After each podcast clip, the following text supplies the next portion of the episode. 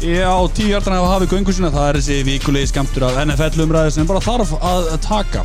Birgir Þór, Valur Gunnar sem baði á amalistrókur í dag, 38 ára, ekki, 38 ára. 38 er gammal Deginum eldri en 24 ára.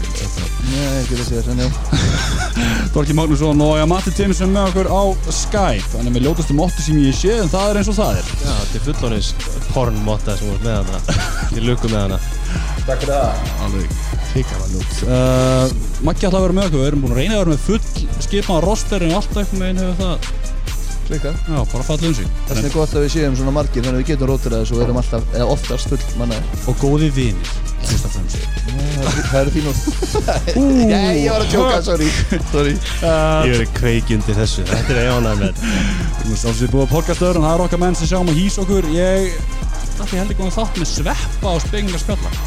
Það er proper gæði, sveppi er þjóðagerðsum við slum hafa þannig, strákana fóru vel yfir hlutina með þeim. Krusty the Clown Krusty the Clown Íslands, og líka sjátt þetta endalínu, ég er líka komin eftir íslensku körubólta, að hverju viti. Það eru góða þettir það eru mjög góð þetta, ég mæli með því að að fólk tjekki á þeim einn erum við bóði Túle.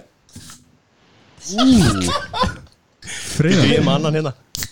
Alvöru, þessi er betri Tveir freyðandi. Kunna verðast á op sem ég heilt ekki Takk. Uh, Þú glindir að tappa þrísvar ah, Já, gamla góða tappi þrísar ah, Já, þessi blá, þessi langböttur ískaldur Það sem ég ætla að segja, það var hann að hleyja að mér. Þetta er ekki ittala túliglösin heldur við Koma að því að Já, sem við mitt á mikil umræð á Mikil Twitter umræð þau, já. sem er mjög aðstæðanlegt, það er svo það er. Gamla því. Svo er ég búið White Fox, það er mjög gott í þessum læð sem er að koma en aftur, aftur, aftur að það sé eiga nokkuð stykki White Fox heima. Það er bara geggja líka NFL sé í gangi í þessari læg Þannig að maður getur bara hangið heim og hort á NFL og pælt í þessu. NFL og svo beint í handbólta og svo beint í NFL Þetta er Geggjað Og með Tula og White Fox með Já, og college fútból í nótt sko. Já, það var frábært líka.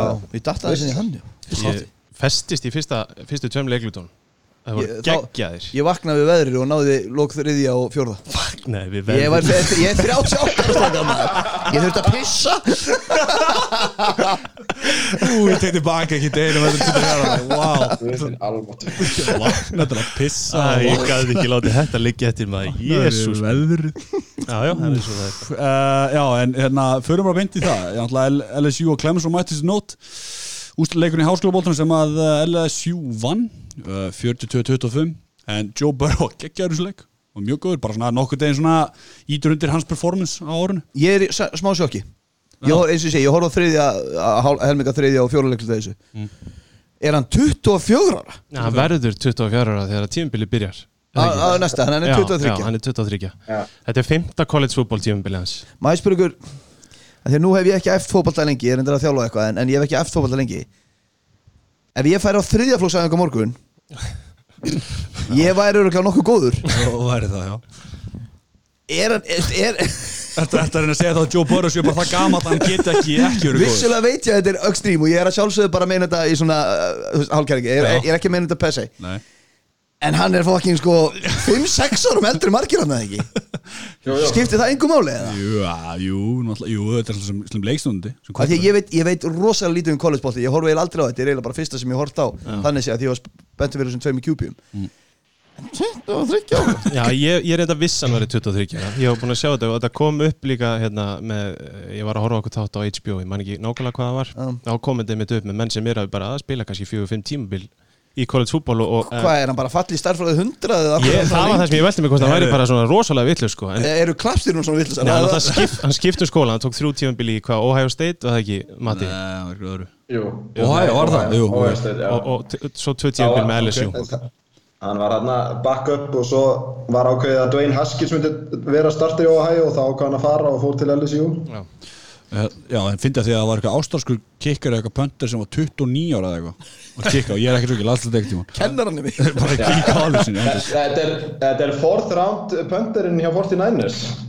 í alvörinni Alvörinni Hann er 29 ára held ég. Að. Já, við mitt nákvæmlega þessi greininga mér hann er eitthvað Og hann var draftaður núna, þú veist, síðast, síðasta drafti. Ú, Áhugavert En þetta var líka bara þvílíkt prospect matchup það fullt af leikmönnum annað sem við höfum eftir að sjá í annarkvort næst, núna á þessu ári eða, eða næstu árum sko. talandu það einn aðeins náttúrulega Trevor Lawrence sem Já. var að tapa sínu fyrsta leik, leik sem 17. november 2017 Já.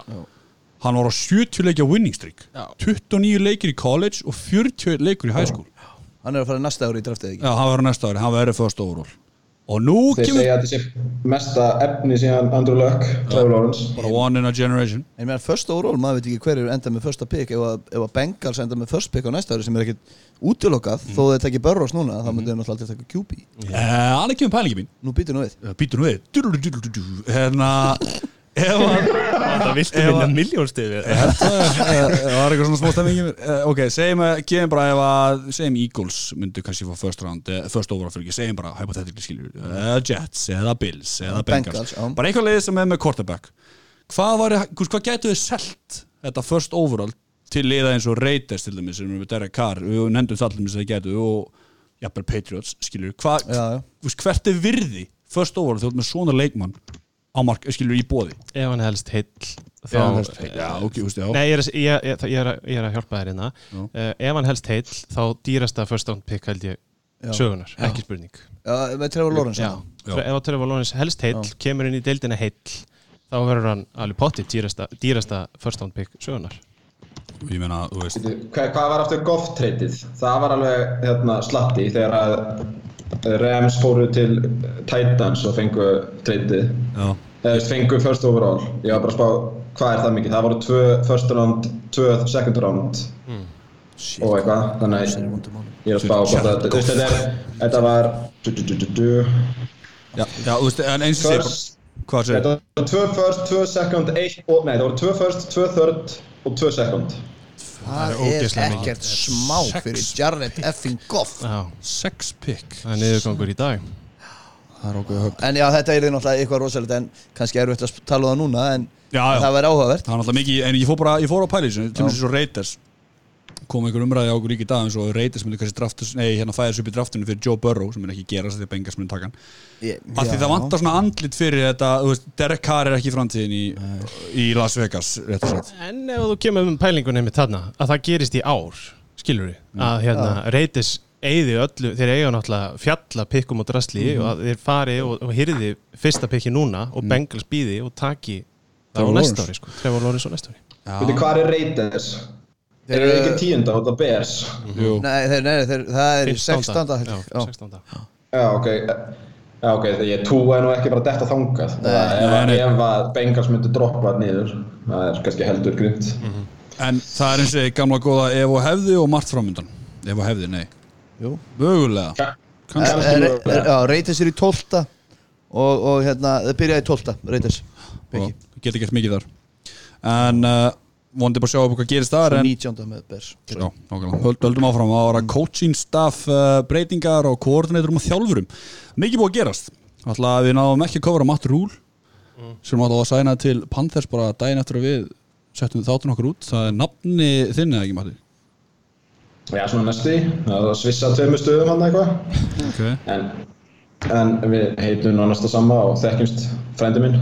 Ok hann fær náttúrulega 7 ára samning 62 miljonir þetta er náttúrulega klárlega svona ósjálfrátt svona rebuild pæling skilur svona að- það er lagt mikið tröst á meðan fyrir 7 ár. Þetta er þetta ekki bara eitthvað sem nýtt í þessu? Ég menn er að fá lengri samninga. Jú, jú, en þú þarft náttúrulega bara að kaupa það út úr þessum háskólabólta sem að launin eru bara klikkuð og þú þarft að gera eitthvað alvöru. Mhm. og þessi gæi hérna uh, eigandi Panthers, er ekki, reyndum mér? Tepper. Já, Já. hann er vist ykkur rosalega negotiator og hann bara, ef hann fer inn í herbyggjum með hann þá fer ekki út nema og sér búin að skrifa til samning ef hann vill Jerry Jones lætuði gistu af sér og, og Já, en ég meina, sem var þetta kjæfta En hérna, og, og hann bara bauði hann þannig að hann gæti ekki neita þessu og þetta verður áhugavert. Ég sagði hann það ekki bara hérna, uh, bara opið checkbook bara Jú. hvað viltu mikið og, og eins marg árið og, og þú vilt bara til að halda honum frá Giants í rauninni.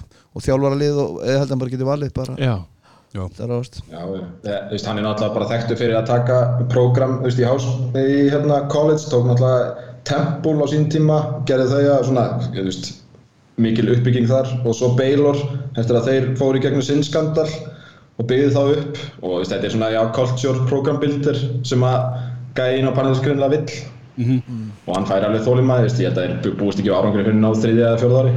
Nei, nákvæmlega.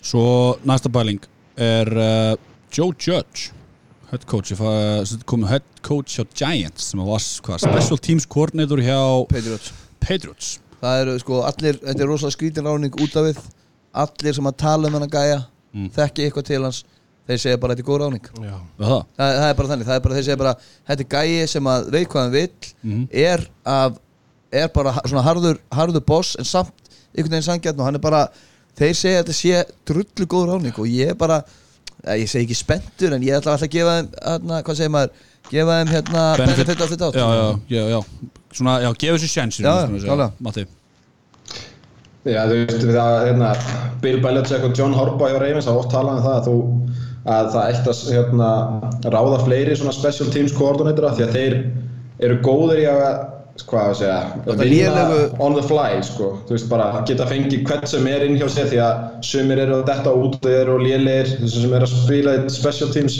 eða orðnir of góðir til að spila special teams, þannig að þeir þurfa alltaf að, veist, aðlaga sig og þess vegna séu svona góðir Já. og þú veist náttúrulega síðasti special teams koordinator sem var ráðinn var John Harbaugh til Ravens Jó Uh, náttúrulega, eins og ég kemur bara ljós bara hvað það hefur henni þýðir af því að maður veit ekki hvað maður er að fá samt sem maður en Bill alltaf er búin að gefa þessum gæja mega lof. Já, Nick aldrei hvað maður Saban fær. sem er leiðist þegar þú færð frá þessum tveim, þetta eru alveg kallar þegar þeir tala vel um þig þá þá var engin dúti í stúdíu í Reykjavík að fara að kópói að fara að rífa neitt Nei, sérstaklega nei, kjátt sko. og maður, eins og sé, maður veit aldrei hvað maður fær. Þetta Nei. getur alltaf bröðið til begja óna Já, og þeir voru fljótir að þessu. Já. þeir bara gengur frá Já. þessu og það var, þetta voru ekki nöfnin, eða nafni sem var svona efst á blæði hjá þeim sem eitthvað vissu úti heldur. Þannig að þetta var áhugavert. Við vildum áttur úr náttúrulega. Já, Já. fengi ekki svona fá hann til sín. Þannig að mm. svona alltaf næsta náttúrulega. Já, fengu til sín líka defensive coordinatorinn hjá Miami, Patrick Graham áfram gakk næsta leik, eh, nei næsta leik maður, nei ráðning var alltaf Stefanski líka Kevin Stefanski. Uh, offensive coordinatorinn hjá uh, Vikings, hann er komið til Browns. Það finnst mér svolítið skrítið ráning hann, átti að vera, hann, var, hann var náttúrulega átt að vera ráðan uppröðlega hjá Browns í fyrra Já. en, en Freddy Kitchens tók það, það er eitthvað ástæð það er Já, já, já. Paul Di Bethesda sem að vildi hann í fyrra og er að ráða hann núna Já. það er greinilega málið. Já. Richard Sherman þið vitið að Di- Paul Di Potesta er, gæ, er hérna gæðin úr Moneyball. Já, akkurat. Þarna Er sem, sem það- að hvað heitir hann aftur Jonah Hill. Jonah Hill. Nei, hérna, jú, Jonah, Já, Jonah já, Hill já. já. Í alvörinni Tíu, tíu, séð ekki. Það er það er áhugavert en, en Jonah Hill lék karakter sem að var eiginlega svona átt að líta út fyrir að eða, voru fimm gaurar eiginlega í liðinu en Paul Di já. Potesta var fyrst aðalgaurin En eitt hérna, uh, Josh McDaniels Hann fór á fund með Browns, eða ekki? Jú. Hann er úr Ohio, Mhm. eða ekki? Mhm. Er það að býta hann í rassin að hafa beilað á Colts? Já, ég held það Nei, Nei. þú veist, þeir sögðu sko að þeir, hann hafi verið eftir á lista en hann vildi bara hreinsa allt út hjá Browns Já. Ok. og gera þetta eftir sínu höfði og þeir voru ekki tilbúinu til að fylgja því þannig að það Svona fyrst, fyrsta teiki var það sem þið eruð að segja Já. og svo kom í ljós bara það sem að Stefanski samþykti sem er, var íktara í fréttum en, og svo fer hann á blaðamann og fund og segir að það er nú ekki ok, alveg eins og já. þið vilja menna Það þetta var bara frálegt sem að las fyrst sko. Já, það er það hérna, hvað kallar hann þá í, í Giants, computer guys vill, þeir eru að fara að draga þá Og- meira inn í þetta, meira analytics og svoleiðis Mm. og Stefanski var bara opnari fyrir því heldur en, en Josh McDaniel sko. og, og það var meira þess að tala um það þannig að hann þurfti að láta gameplanið inn og það Já. þærti raun og vera að samþykja gameplanið fyrir leik hann dróð það allt saman tilbaka núna á já, blaðamann já. fyrir því, það enda meikar það nákvæmlega Nei, ekkert ég, bara engan Ég, ég las samt einhver staðar að hérna, þetta væri ekkert svo óalgengt, þú veist, Ravens og Patriots eru bæði með sína útgáfu af þessu analytics fundi með gameplani, sko. Best, bestu liðin eru með þetta, þetta er líka svona í NBA sko, þannig að Já. þetta er bara eðlileg framvinda og svona alltaf hérna, Pat Shermer ráðan sem var coordinator hjá Denver missi vinnurna hjá Giants og er komin inn hjá Denver Pat Shermer vildi drafta Drew Locke í fyrra en, en hann, hann, hvað heitir aftur hérna umölu GM-in Daniel hjá Jones. Nei, hjá hérna Já, Gettleman. já, hann vildi Daniel Jones og þess vegna tókar hann og nú er hann að fara að vinna með Drew Locke, það voru svolítið áhvert Já, það er mjög skemmilegt eða áhugavert svo sem, ég veit ekki en það voru alltaf forvitnilegt. Já, en það hefur verið mikið, mikið af hérna, stúsi koordinatorna, það tökur síðustu bara eh, sem er svona verðt að nefna John, De, John D. Filippo og offensive coordinator hjá Jags, látið fara. Já, hann, hann er ekki ekki riðið feitum hesti sem hann var á Vikings greið. Hann alltaf var smá blórabökullana þegar að Cousins var ekki að ganga fyrsta árið? Hver kom aftur í staðin fyrir hann, var það komið? Og voruð þið búin að ráða í staðin fyrir hann? Að þetta er alveg skrítið, menn hann lendir náttúrulega í skýta málum með kortibakstöðuna ár eftir ár eftir ár sko. Og ja, ár ekki beint ár eftir ár sérstaklega núna það sem að hérna, Fóls meðist strax og, og hann gerir nú eitthvað Minshew mania takk fyrir sko. Þannig að þetta er Þetta er bara samt eitthvað svo í Jaguars er bara svo óáhugavert lið og þeir gera hluti sem eru svo styrlaðir og það er bara verið að hreinsa til verið stjóra allstaðar hjá þeim þetta er kannski bara í góðu lagi sko. Já, hann er ekki headcoach Nei, mitt Nei, hann fær að hónginni Já, hann fara hangið inn en offensive coordinator fær uh, já, Já, taka póka sinn. Já, þetta er allan að ég það pottubrotin hjá Jaguars eins og við höfum svo sem komið inn á aður Já, og síðast það er bara því að finna að segja að Bill Laser var ráðin til Bears. Það er hérna, ég held að þetta sé góð ráðningvindar Er það? Já, Já þetta er gæði að gerir lesa mikið með- Dalton. Já, ég var að lesa með tölum um þetta, ég held að þetta sé ekki ræður Þetta sé alltaf læður ráðning. Já, Ég ég vona hans ekki góð en, en ég held að sé alltaf er bara skemmtilega að segja Bill Laser Já, Bill Laser, gekkja En Akkur þetta ekki með sound effect. Það getur verið í hendin Já, já, já, En að, já, ráðan til Bears ef þið heyrðu það ekki. En hann var áður uh, offensive coordinator hjá Bengals. Hann er allavega að fá almennlegt verkefni upp í hendunar eins og staðinu nú já. Nú, mm. quarterback? Heldur Með Það prinsinn. þægilegt. Já. Með prinsinn, yes, prinsinn. Uh, Förum nú yfir í það sem raunverulega skiptir máli. Það er division leikinu sem voru núna um helgina. Já. Nokkuð örg úls, úrslit allstaðar Nei, Næstum því, ég sagði nokkuð Nema kannski Green Bay síjóksleikurinn já, já, já Jú, það má segja það. Já, því að tala um skilur hérna, Samt skemmtileg leikir Mjög góða leikir, mjög góða leikir já Allan að eitthvað var vægasagt shootout, þess að segja. Já, þetta voru, þetta er, ég veit ekki hvað valur er að maldi móin þetta voru þrýr freka þægilegi leikir og svo og hérna Já, ekki allir, hann sagði, all, hann sagði nokkuð þægilega leikir Allir, ég sagði ekki allir. Já, já. Ha, áframgakk Áframgak, takk. Uh, fyrsta, leik, fyrsta leikurinn var uh, þegar Minnesota Vikings fóru til San Francisco. San Francisco 49ers 27 Minnesota Vikings 10 uh, Ertu spenntur að fá Super Bowl til San Francisco, Matti? Super, já. Já. Núna þegar að Hot Boys eru allir Ja, Nú getur maður sagt Hot Boys. Já, eða Alveg- Lombardi trófi fyrir ekki. Já, nei, já, já, þú veist, þessi leikur var vonbriði, þú veist, fyrir þann sem vildi horfa á góðan leik eða skemmtilegan leik. Þú veist, mér fannst það náttúrulega ekki skemmtilegur því að þetta var svo örugt, þetta var bara svona þægilegt, þetta var leikur þar sem að betra liði vann verra liðið nokkuð öruglega og nokkuð þægilega bara, þú veist, það var Vikings áttu eiginlega ekki sjans þú veist, þeir, leikurinn í hálfleik var 14-10 en það var eiginlega bara frekar 49ers að kenna heldur en Vikings að vera eitthvað góðir. Já, þeir áttu þarna, þarna eitt play sem var 41 hjarta touchdown og Diggs sem var hérna gardaður af Akello Witherspoon sem var settur á bekkin og eftir það gerist ekki neitt í sér Þú veist, það var, Jimmy G átti mjög heimskulegt interception. Langt síðan maður sá það reyndar en uh, það láta til. segir, svona, myndu segja heimsklut ég finnst þetta bara Erik Kendricks bara að vera að gera fríkiskott play. þetta er, þetta er svona, svona bæði og. Veist, þetta er blanda af þú veist, því að hann sér hann ekki og hann er lúmskur að fela sig smá veist, hann ætti að vita, veist, þetta er svona hans helsti veikleiki, þessir linebackerar í coverage þegar hann áðáttu svona til að sjá þá ekki.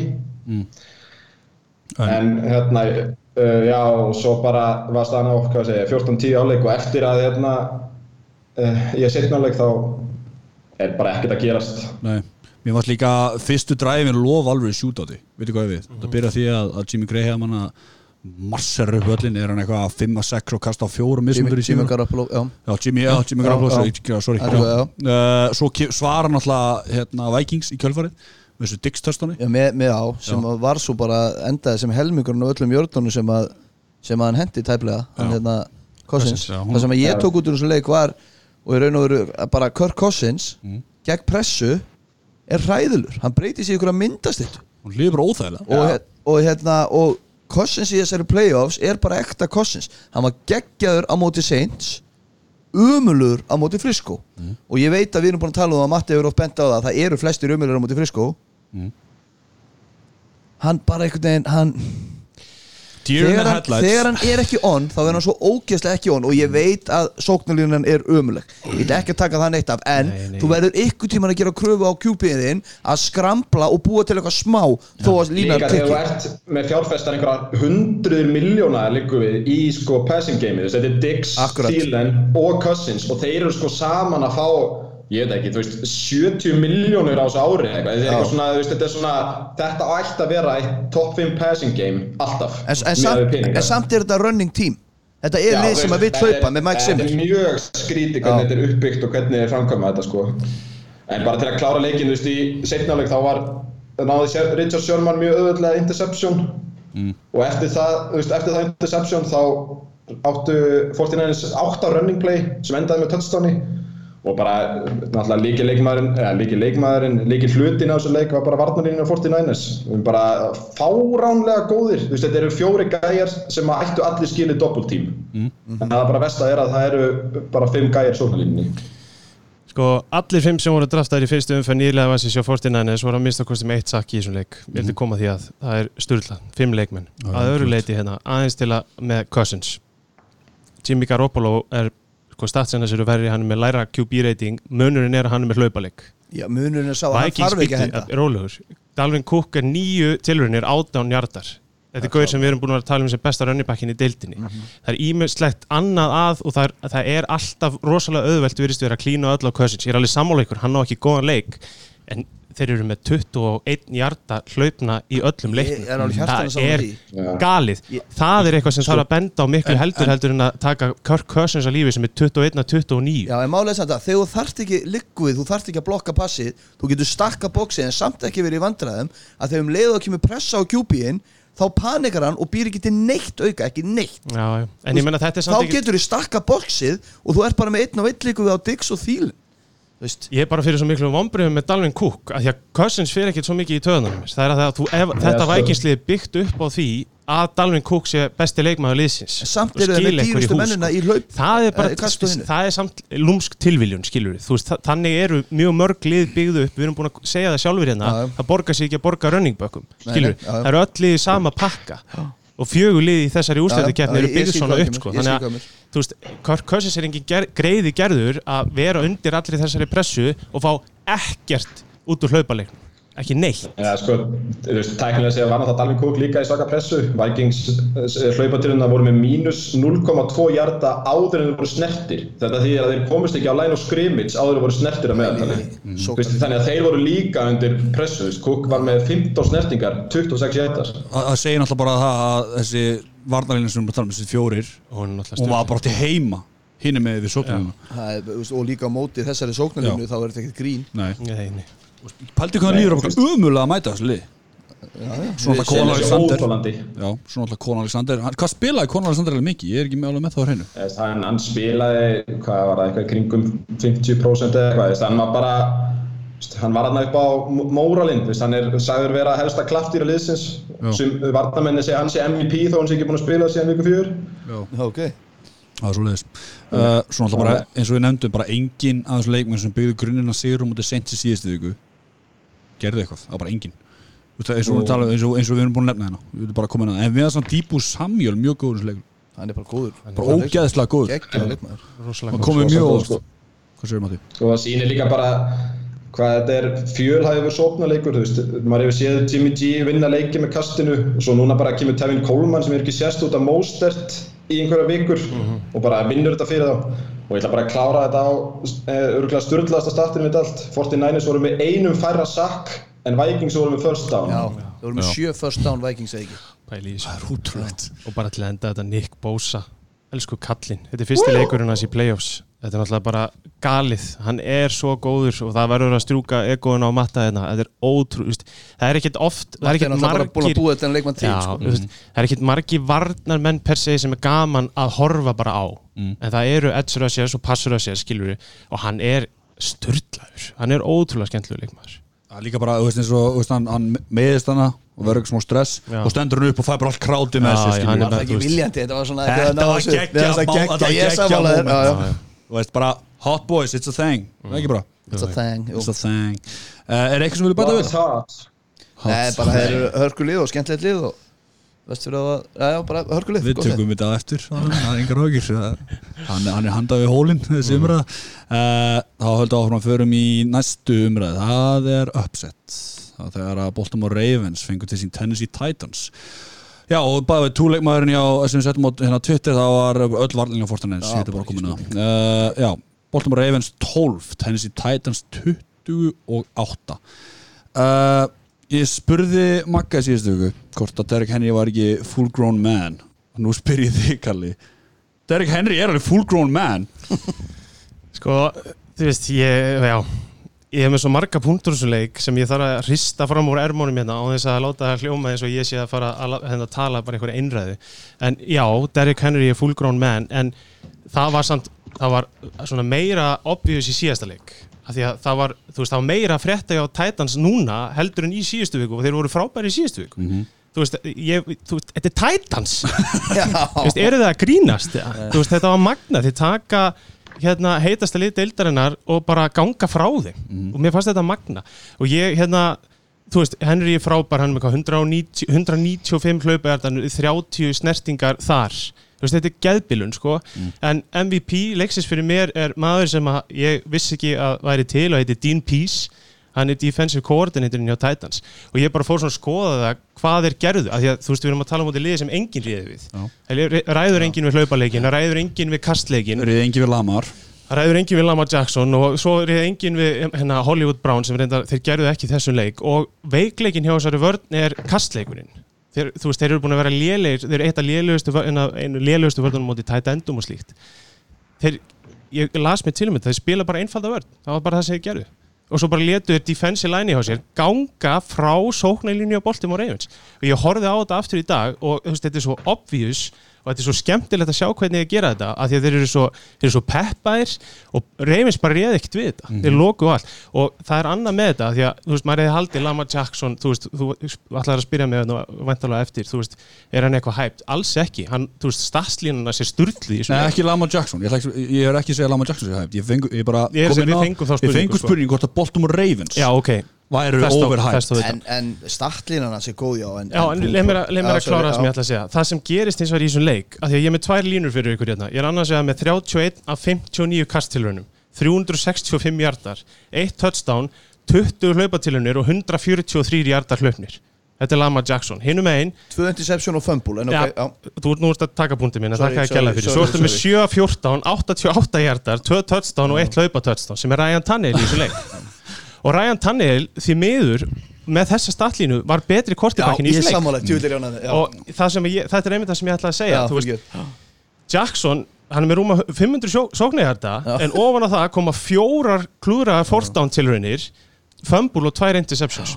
Alltaf þegar Þetta voru að fara að komast í sjens þá klúðrast eitthvað. Þeir klúðra fortdown, þeir fumbla tvö eh, leiðileg interception veist, þetta er svo mikið klúður hjá Ravens þannig að ég er svo stoltur af Titans fyrir að koma í hérna leik og gera, að því að það held allir að vera að vera með svona einhver exotic blitz og gera þetta og hitt og þeir bara spiluðu fullkomna vörn. Hvað segir Matti, fyrir ekki Já, bara þú veist að tala um þessi fourth down, hann átti tvö QB sneak, Lamar. Það er svona að við aldrei QB sneak áður. Nei. Og svo, þetta, þetta voru skrýtlustu QB sneak sem ég séð. að því að svo Hann koma ætlaði eitthvað til hliðar og eitthvað, já, fyrir ekki. Nei, allt í lagi, ég, ætla, ég var bara að taka fram í fyrir þér að því að svo koma Titans og Fort Down og Tannehill gerir þetta bara eins og Breyti er búin að gera þetta í, í, í 15 eða 20 ár hann bara fyrir beint yfir senderinn og, og stelu þrem í hördum Svo ég bara þegar ég horfa Tannehill spila Mér finnst hann bara svo örugur eitthvað hann er, eins og þú segir, hann er með 88 hjarta í þessum leik Já. og einn þeim er sko 45 hjarta touchdown sending upp alltaf völlin sko og hö- höfum hérna með tvo leiki í rauðu play og svona með bæði leikin í báða leikin verður undir 100 hægt að kasta Já, og er samt einhvern veginn bara game manager alveg hann gerir bara sem gera þarf Já, þetta er bara ákvæmlega, þetta er bara akkur það sem að Kortlepa gera hann gera sem gera þarf eins og Þetta er maður bara Jimmy G dæmið. já nákvæmlega Og hérna, Sem gerir bara sem gera þarf. og, og eitt annar er líka í þessu með Ravens uh, ég kýta hans á statlínuna enn og aftur. Uh, hjá Ravens bara yfir regular seasonið.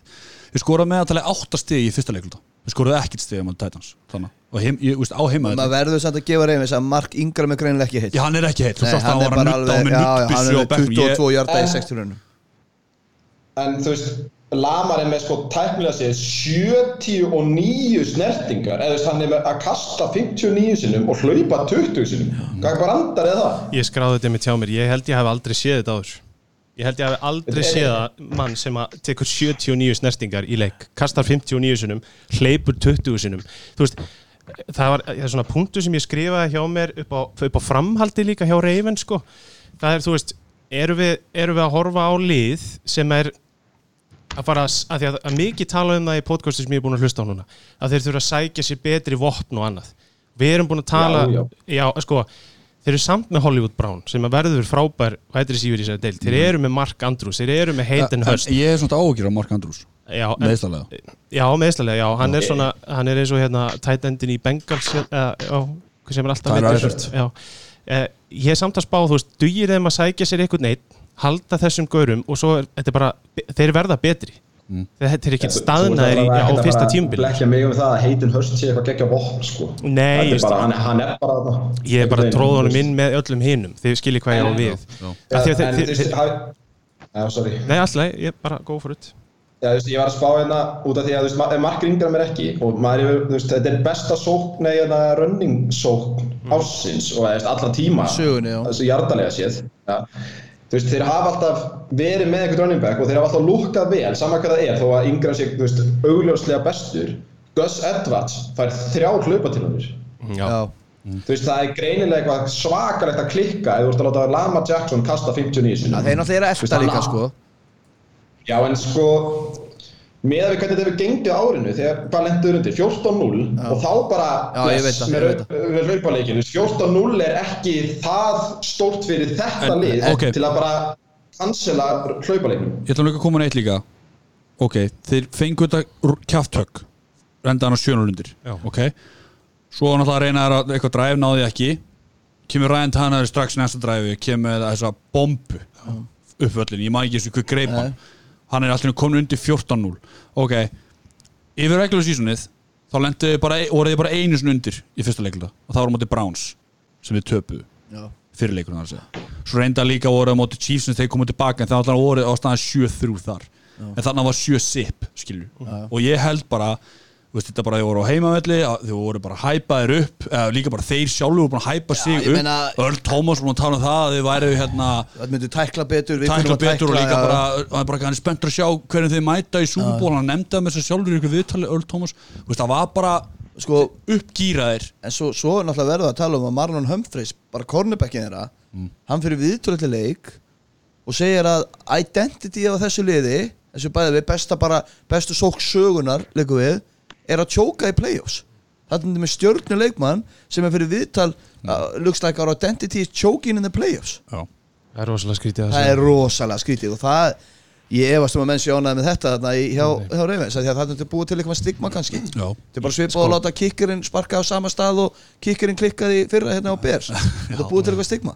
Þetta er bara, þetta er rosalega, þetta er svo sérstakur leikur þess að segi ég sé með svo marga punta því að þú veist, Derrick Henry er með 195 hjarta AJ Brown, maður sem er búin að vera hérna, mögulegur rookie of the year sóknarlega, hann er með nýju, hann er með eitt grip í leiknum, þeir bara sko, kastleikurinn hjá þeim var í raunin engin, þeir hlaupa og hlaupa og hlaupa á Henry klára stuttasendingar. Þessi langa náttúrulega tekur mest megni af því sem að uh, Ryan Tannehill hérna kastar. En svo er svo fyndið með Tannehill að eins klaufalegur og hann er þá hleypur hann fyrir first downs alveg eins og herfóringi Já. það er alveg magna á, ef að, þú veist, ég er ekki að segja að segja að hlaupa ykkur, hann er ekki Russell Wilson, hann er ekki að skila þér 19 jördum en þú þarf bara gauð sem getur skilað þér þrem þegar þú ert Titans, af því að þú ert alltaf að fara að fá fyrstu 6-7 hjartara gefins Já, já. frá, frá Henry. Og þetta er svo hættulegt af því að hinum megin, þú veist það, svona punkturinn minn að, að, að lokum í sambandi við hérna, vætri sífurkórin er að ætlaði að segja mér að vætri sífurkóri sem við erum búin að gaggrýna ár, í all ár hjá Tennessee Titans sé betra en, en, en hérna útýrjarnir og, og grípararnir hjá Baltimore Ravens. Já, Corey Davis, eru það að djóka? Það? Þú veist, Cliff Raymond, Calif Raymond, McCoy Pruitt Johnu Smith er enda búin að stíga upp. Það eru bara Já, gaurar að stíga upp hjá þeim. Já, AJ Brown, Jonas Smith komboið það er þessi gæðir sem eru búin að stíga upp í ár og, og ég meina sérstaklega Jonas Smith í fjárveru Delaney Walker, ég ætla bara að koma inn á það ég vorkinu Delaney Walker mjög mikið. Gæðir sem er búin að sta, standa í þessu tæðnarslega heil lengi og er bara nú að meðslapjössi fyrir vikið þannig að hann er eldri og svona alltaf hann er ekki að taka þátt í, í good times og alltaf En það sem bara, sorry, að er að hjá Tennessee Titans gengur fullkomlega upp 45 hjarta sending, raskinar touchdown sem ég er ennþá að reyna að átta mig á því hvernig var dæmt. Derrick Henry kastaði touchdown í leiknum. það að það gekk- ranga kastið. Já, já, algjörlega, hann átt að kasta á Mariota sem var galopin út í já. það gekk allt upp hjá þeim og þeir spiluðu bara agaðan leik og meðan hinum einn fjögur klúður í fortdown, fumble og tvö interception. Ég spyrja hvernig, leik kæmið eitthvað óvart ég veit að það er ekki favorites en það kæmið engum óvart að Titans myndi að vera í súból í dag.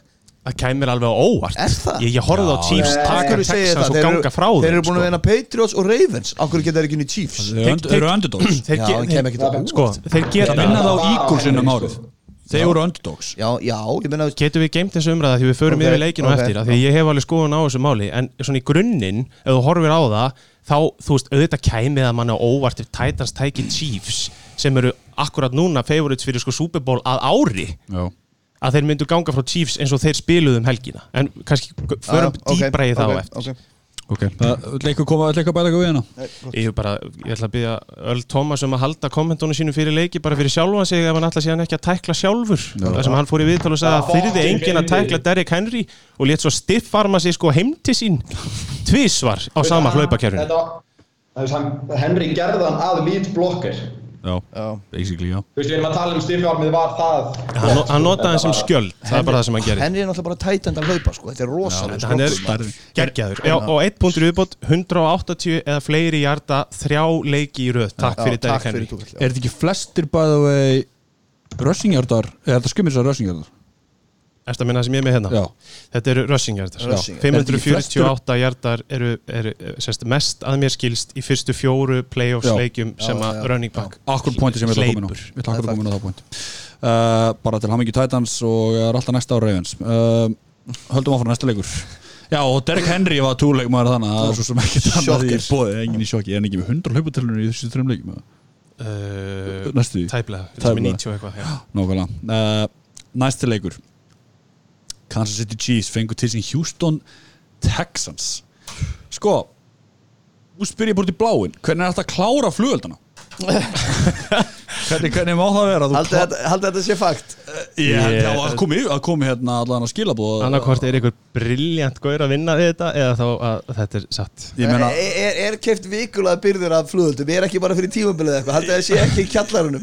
Þetta er alveg geggja það sko. Ég meina pæli Ég bara, kom bara yfirlýsing bara að því Mér er það bara flugöldinni búnir. Er gæið sem að vinna við það Býtu við, við erum á múti Jets núna. Herðu, við erum að tala um svona Sek fjögur touchdown.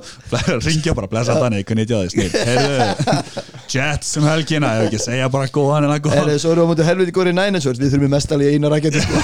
Já, ekki hafa kannski það Hvort er það tífúli bómbi leiðinu uh, ég, ég veist, eins og ég sem ég tek úr þessu þegar fyrsti leikulni var að renna sitt skeið það voru uh, Tyreek Hill, Travis Kelsey Robinson og Hartmann allir búin að gera eitthvað mistök. Annarkvort að missa boltan eða eins og Tyreek Hill með annar möft kick, uh, punt fyrir ekki þú veist, þetta var þegar maður svo Tyreek Hill missa boltanuna og Texans koma sér í bara í geggjastu að hugsa með sér bara, nei, fjandinn Einn af þessum dögum. Eða bara one of those Ég er days. með breaking news. Nú, hvað? LSU's Joe Brady er að vera offensive coordinator hjá Carolina Panthers. Já, Já. skemmtilegt. Það er stórt, þetta er búin að vera stærsta nafni í coordinator heiminum frá college Já, ok, bara svona takk fyrir Það. Það. Takk fyrir Við það verðum sérst bara með háskóla þjálfaralið hjá Carolina Panthers á næsta tímbili sem er pínu skemmtilegt sko. Já, já. Sæði einhvern leikur um ég, fórum? ég er mjög spenntið fyrir þessu sko. Uh, Kansas Chiefs 51, Tex- Texans uh, 31 ég glemt að segja það í byrjun. En bara einfalt Texans mættu öllum sílendrum og fullu gasi. Já, í sem fyrsta leikur og maður var, við sem staðan var hvað 21-0 21-0 já, eftir fyrsta já. Og ég sá okkur ræðu hjá maður Holmesan á, á bekknum þar sem hann var að segja bara, herru, ok, nú er þeir byrjaðar að hætta að gera ráð fyrir okkur, skilja, bara byrjaðar að vannmjöta okkur, bara keirum á þetta. Þeir keirðu á þetta. Andy Reid sagði vist bara við á stakar Slækið á, þetta er ekki þið. Nei, Komið ykkur í ykkar leik, þetta er ekki þið sem er einn úti. Þeir bara Stela einu punktu á podcasti sem ég heyrði sem er áhugavert og mér langar ekki að segja þetta en ég sá Lamar Jackson aldrei gera þetta. Nei. Fara bara og rífa menn upp á raskatinu Þú veist, það var ekki 21-0 í þeim leik sko. Þeir voru ekki að láta taka sig eða 24 á tíðanbili, 24-0 Nei.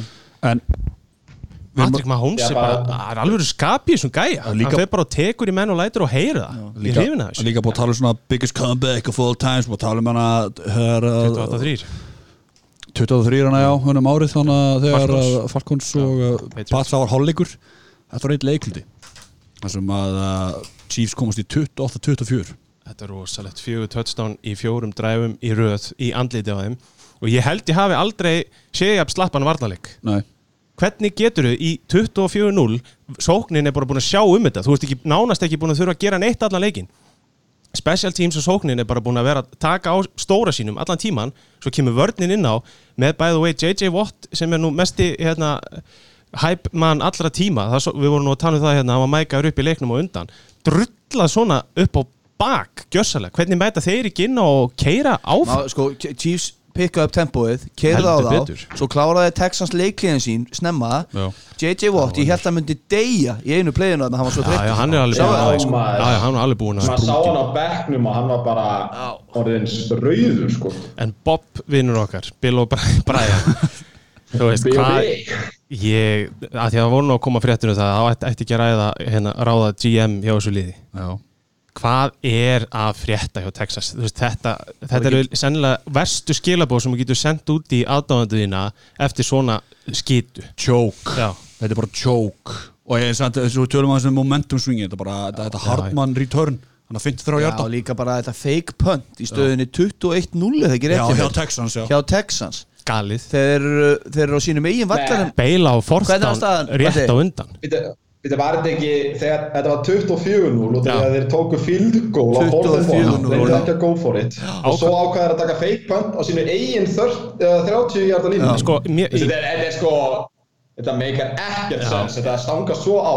Ég, já, það, það er það ymmit, takk fyrir að koma með þennan punkt að þetta stangar svo svakalega á vegna þess að ákvörunin að, fara, hann tekur tæmáti hann rennur út á, á klukkunni á play klukkunni þegar hann ætlar að it, þú sér bara hann er að fara að sníka bara allan daginn, sko, og þeir hefðu gert það. Þeir rennu út á play clock, taka tæmát og senda field goal tímið út sem er algjört skýta move svo í næstu sókn að fara þær í fake punt sem var actually fræðilega sé betri ákvörðun vegna þess að hann þurfti bara að sleppa frá Sörensen.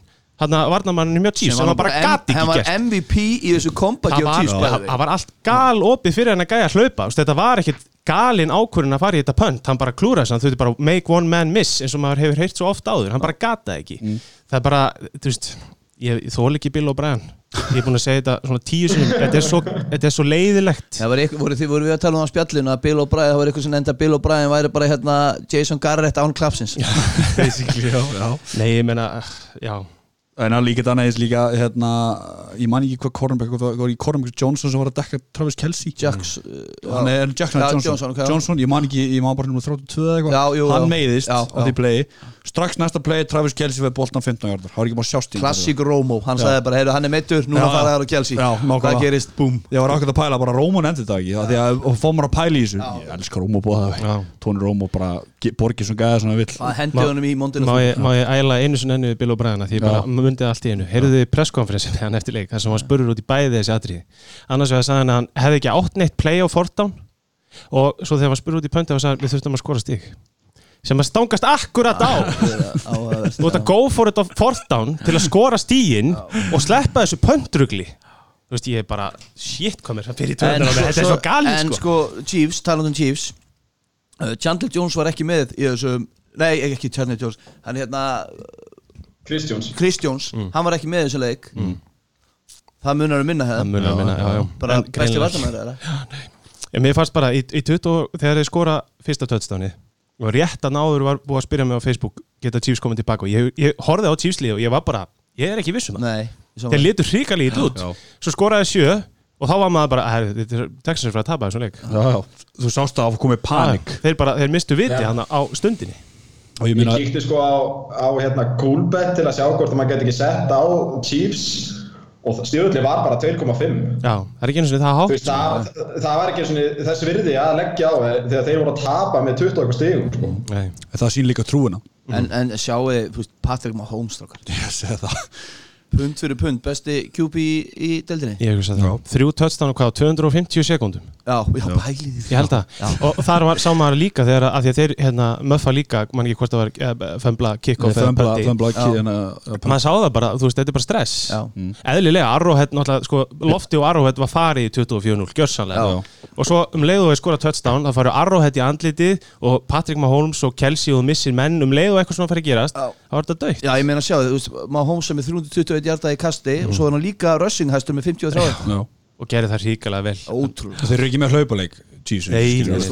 Damien Williams er svo annarkvært við hann er svona big play en það er bara, en það samt hann, mistur hans í boltan og fyrsta hérna törstanpassin Holmes kastar hann að Damien Williams hann er, hann er rétt svo að retta sig hann enda og svo Kelsey náttúrulega. Já, og svona bara segist alltaf Kelsey er bara öðru leveli. Þú veist, hann er bara, veist, hann er það er, já, við ræðum kannski síðar hvað er besti tæðin í þessu deild en, en Travis Kelsey er allan að top 2 Já. En svo er Watson með eh, Svo það hann er líka Hann er með sömu statslínuna og Jackson Hann er samt að það ekki tapa. meira garbage time eða? það var líka smá, jú, það var svona bla, meira blanda samt heldur en hjá Jackson Já. Já. En Jackson var samt ekki garbage time Allan leikin var hann að ná skorpu hérna Já, playum en, ok, en, en Watson samt, hann var uh, já, hann var svona hvað við segja, upp á hann, hann var ekki lélugur sem leik. Nei, nei, ég meina það var bara Þarna kom aftur upp. Það er einn gaur sem að gatt gripi boltan í þessu leik. Já, það Þú er uh, Jay Sean Nei, já, það var bara DeAndre nei, Hopkins DeAndre Sir Nei, en ok, já, en eitt líka. DeAndre Hopkins og hann er Will Fuller að spila hennileik mm. By the way, Texas með Will Fuller sem við talaðum sé Jenga piece. Sáðu bara Uh, fyrsta tötstanið Já. Uh, Skor hann þessum? nei, það sem að, að hann var double besti, besti á Hopkins og þá var hann að stilsið ykkur hann að galopinu niður þetta geggja kerfi. Geggja kerfi Akkur gæti nota það að Hérna, eh, að því, veist, Will Fuller er með eitthvað 89 hjarta eitthvað og Hopkins um 118 eða maður rétt er- Þú veist það er- tölunar er alveg til staðar svona enn á því svo kemur ekki út í stigum, skoraði skilur við. 51 stig. Já, það er náttúrulega þá að vera nóg að skora 31 stig til að vinna leiki Chiefs, það er þess vegna sem er með Chiefs ef þú vorst að segja með Titans þeir get ekki hérna, það. þeir bara keira, þeir bara keira og keira og keira og keira og keira og keira. Þeir skora bara endalust að stigum eða ætla bara að leifa þeim að kasta og kasta og kasta. Það er bara svo leis Já, uh, Túleikmaður þetta var Patrick Mahomes. Svo þetta var Travis Kelsey réttu eftir uh, sem við settum á Twitter bara, hvert fólk aftur til að kíkja á Twitter eftir svona leikdegi og við erum oft með póls í gangi, skemmtileg pól. Uh, ég veit að Valur kvist Patrick Mahomes.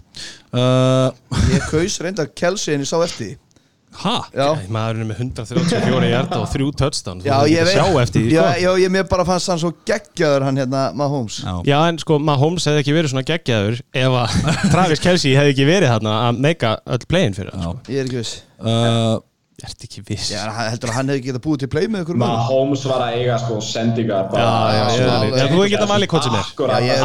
Þetta er skrítið efni til að rífast yfir Algjörlega, já, já. Við, getum alltaf rifist yfir það er skemmtilegt, þið geta alveg reyðist í þessum leik. Næsta leiku, Green Bay Packers fengur til sem Seattle Seahawks. Green Bay Packers 28 Seattle Seahawks 23 uh, Valur, myndir þú titla þig formann Green Bay Packers í Íslandi? Nei, af því að við erum ekki í eigu neins eins heldur Æ. er þetta heldur eiga áhörndu klubin Ég er samt ánægði með þetta svar. Ég valur ekki formaðurinn minn, sko. Þetta skrítið comeback hérna En allt í allavega, lagi. heyrðu hérna um, Þessi leikur var, var bara eins og allir pakkisleiki sem ég hort á Og ég er svona sem ég ekki djóka Nei, sístu tíu Ég, árin. ég Síðustu horfði á leik með því höfari Eftir að þú Já. sagði þetta, ég horfði á hann með því höfari Við förum í góða fórustu Lítum út fyrir að vera að fara að rúlla yfir þetta 21-3, öll tromp á hendi Svo bara kemur comeback í setna áleik Já. Það sem ég hef mestar áhugjur ef við tökum svona aðeins almenntum mynda er að þannig að adjustuðu Seahawks og LeFleur og Pettin voru ekkert að bregðast við því en alltaf aðal adjustið hjá Seahawks er að láta, láta boltan í hendunar á Russell Wilson. Og það er ótrúlega að ég Íslendingur sem fylgist með NFL að bara sem áhuga maður viti að til að vinna leiki sem Seahawks maður þá þarf Russell Wilson að hafa boltan í höndunum. Já, hann þarf að fá, eh, sko, já. Uh, bara til að svara þér að því að hérna eh, þetta er alveg þekkt stærð með, með Pakkes munurinn núna var að mér fannst samt Pakkes svara með höggi Já, það sko- er sko- svolítið sem að við höfum kannski ekki endilega séð þegar að þeir kasta á Adams fyrir touchdownu þá var ég standandi í sófanum bara djöfull erum við að fara að tapa þessu leik. Já. en það er svolítið langt síðan að það hefur gerst að við svörum höggi með höggi. Og ég fílaði það, við komum tilbaka Lefleur, sko, sko. hlauparátin sem Adams hleypur hana er by the way bara YouTube worthy að fara að kíkja á hann. Hann er geggjaður. og ég, var svo hrifin af því að við skildum svara með touchdowni beint í andlitið á hann tilbaka. Sko, Mike McCarthy, hann hefði ekki endilega gert þetta. Ekki hann hefði haldið áfram að hlaupa hugsanlega tekið eitthvað svona shovel pass til hliðar og hlaupið. En Matt LeFleur hugsaði bara, heyrðu eins og Seahawks áttu að hugsa allan tíma ég læt bara boltan í hendunar á besta leikmannum mínum sem er Aaron Rodgers. Og Aaron Rodgers í þessum gýr er afsækið fucking Aaron Rodgers sko. Já, hann átti vintage köst í þessum leik vintage Já, köst og miklu betur en við höfum séð þetta aldrei langan tíma. Langbæsti leikurinn hans í langan tíma síðan Já. bara Oakland Raiders í raun og öru Já, og Adams náttúrulega með 160 hjarta 2 touchdown, Aaron Jones með 2 touchdown 80 okkar hjarta minni mig. Uh, eða manni hvað með marga hjarta þannig að, og það sem var besta kannski er að á third down þá var Rodgers með ruggtölur hann var að, var að konverta 11 að 13 minni mig. Og allir boltanir sem að fóru á Adams skiluðu first down Deadly deadly, algjörlega deadly. Og litu fáranlega vel út og það er eitthvað sem að við pakkismenn tökum með okkur og erum bara þokkala bratti fyrir af því að skýmið virkaði 100% í þessum leik. Einn spurning, ef þetta er að velja, þetta vanti Adams að Aaron Rodgers sem? Túrleikmaður ég ætla að segja Þetta er, þetta er sama er Kelsey sama og, og, ætla og að segja, Mahomes ég ætla sko. að segja Aaron Rodgers af því að nei, ég veit ekki, jú Ég því að að velja. sendingarnar. Ég ætla að velja Jimmy Graham Jó, Jimmy. Bara af því að Jimmy Graham sem maður er búin að fara í töðunar á val núna tvö tíum bíl í röð. Já. Actually gerði eitthvað gagni í þessu Já, leik. málega sko, mér finnst svo fyndið sko að, að ég er ekki að segja ykkur að hafa sett á því mig en þegar maður er að gaggrina leikmenn svo gera þær eitthvað gott setna þá er eins og gaggrinni ekki rétt á sér fattu ykkur að meina, ég veit að þú varst ekki að segja það. en auðvitað, hann var, frá, hann var klötsi í svona leik Jesus Christ. Ég hérna, mér langar svona líka aðeins að taka vörninni á Pakkas út af því að það sem gerist og ég er búin að segja og við erum búin að segja með Russell Wilson þegar að þegar að er setna álugur Russell Wilson er alltaf vissin og við sáum þá á tímbili hvað hann vann nýju leiki það sem að hérna, af one score games Já. sem á að geta vera hægt. Þú veist, svoleiðis lið er ekki til nefnum sért með Russell Wilson. Nei, og þeir eru með skemmtilega útterja þeir eru með Tyler Lockett sem að reyndist bara okkar liði alveg opbúslega erfiður í þessu leik. Hann var rosalega pyrrandi en, en var það út af DK Metcalf, myndu þið segja það? DK var fín líka, það er nefnilega að finna við það. Þú veist, hann er með, hvað, eitthvað fjóra gripna fyrir 60 jördum, sko, Já. þú veist, hann er þú veist, Ég myndi aftasta taka línan Lockett yfir Metcalf í mittlið Já, Er 100%. það- já, 100%. algjörlega, algjörlega En ég er bara að segja þannig hvort að þannig hafi verið eftir performance í síðustu viku Já, hvort það hafi reyndar- bara opnað fyrir að því að þannig hafi Nei, kannski Lockett hefur alltaf verið svona Hann hefur alltaf verið einn, hvað sem er alltaf, En það sem að, sorry, það, ég lefi svolítið Það sem að performance í síðustu viku hjá DK Metcalf Metcalf gerði, gerði er að Jair Alexander sem var að dekka hann gaf honum alltaf svona 5 metra og svo hættu við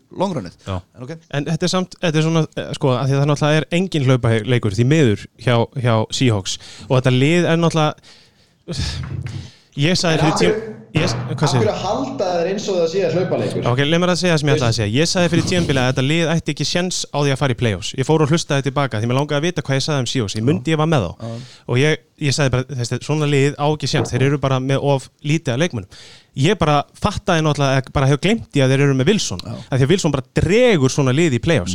Hins vegar þegar þú ert búin að missa þrjá running backa Þá er Wilson ekki nóg. Og tight end. Já, og tight end.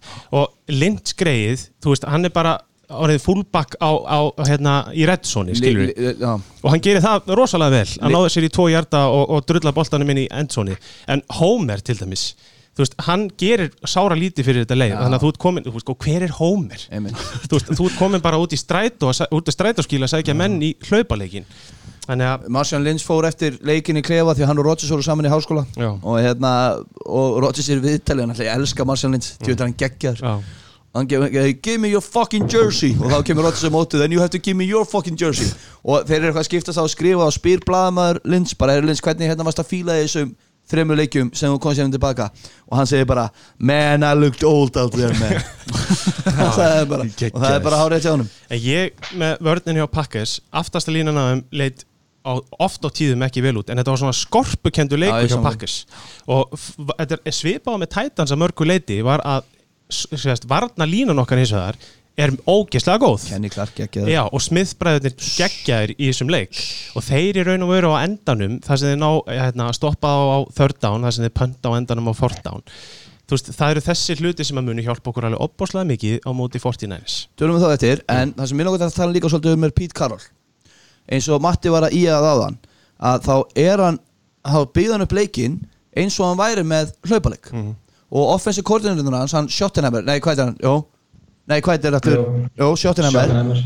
Hann er líka hlaupagæði þannig að þú er með tvo gæði sem eru að rönna þetta hlaupagæðar þetta er svona old school fútball þegar þú ert með bara besta QB í deildinni við, við alveg, einn af. Um, á fourth down en 11 þrjár mínútur eftir þá pöntar hann hvað segir þið við því? Þetta er Já, sko, svolítið, þetta er þetta var ekki sko. bara þetta það sem að fá mest í töðun á mér þeir voru að tapa 7-0 Já.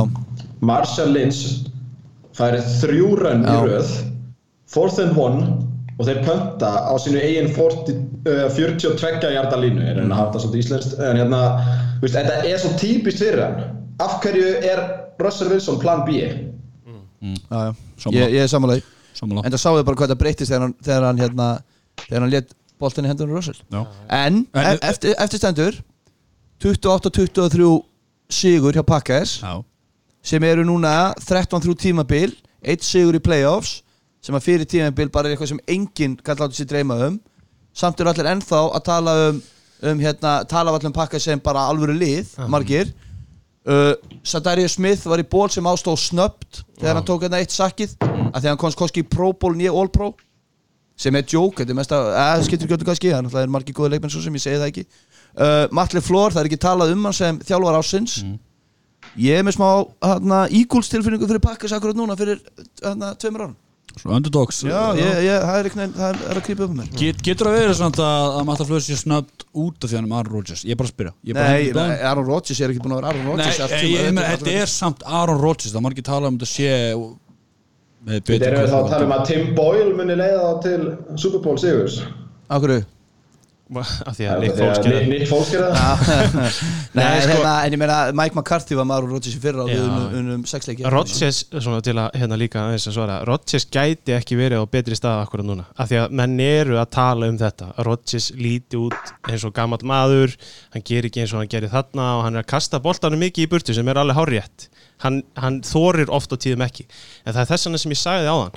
Það eru, hann er að blanda loksis aftur inn þessum vintage custom sínum. Eins og upp það sem hefði náð þörddáninu í lokleiks Og hættur að henda yfirmenn. hættur að henda yfirmenn. Hann er farin að hopp, sko, kasta inn í hlaupaleðina í staðin fyrir að reyna alltaf. En svo sér maður líka sem er óbærilegt og hefur vaksið rosalega hjá honum að hann starir á opna stuttakastið og lítur frá því og fer í langaboltan eða kastaboltanum í burtu. Já. og á móti 49ers þá er eins gott að þetta verði ekki pakkers leiðin út úr þeim leik. Af því að þeir, hann mun ekki fá tíma til þess að býða að málið. Við, höldum, við tökum þá komur kannski eftir. Þetta er gott hjá mér, ég held að það sé bara, eru ekki múin að gera upp henni leik?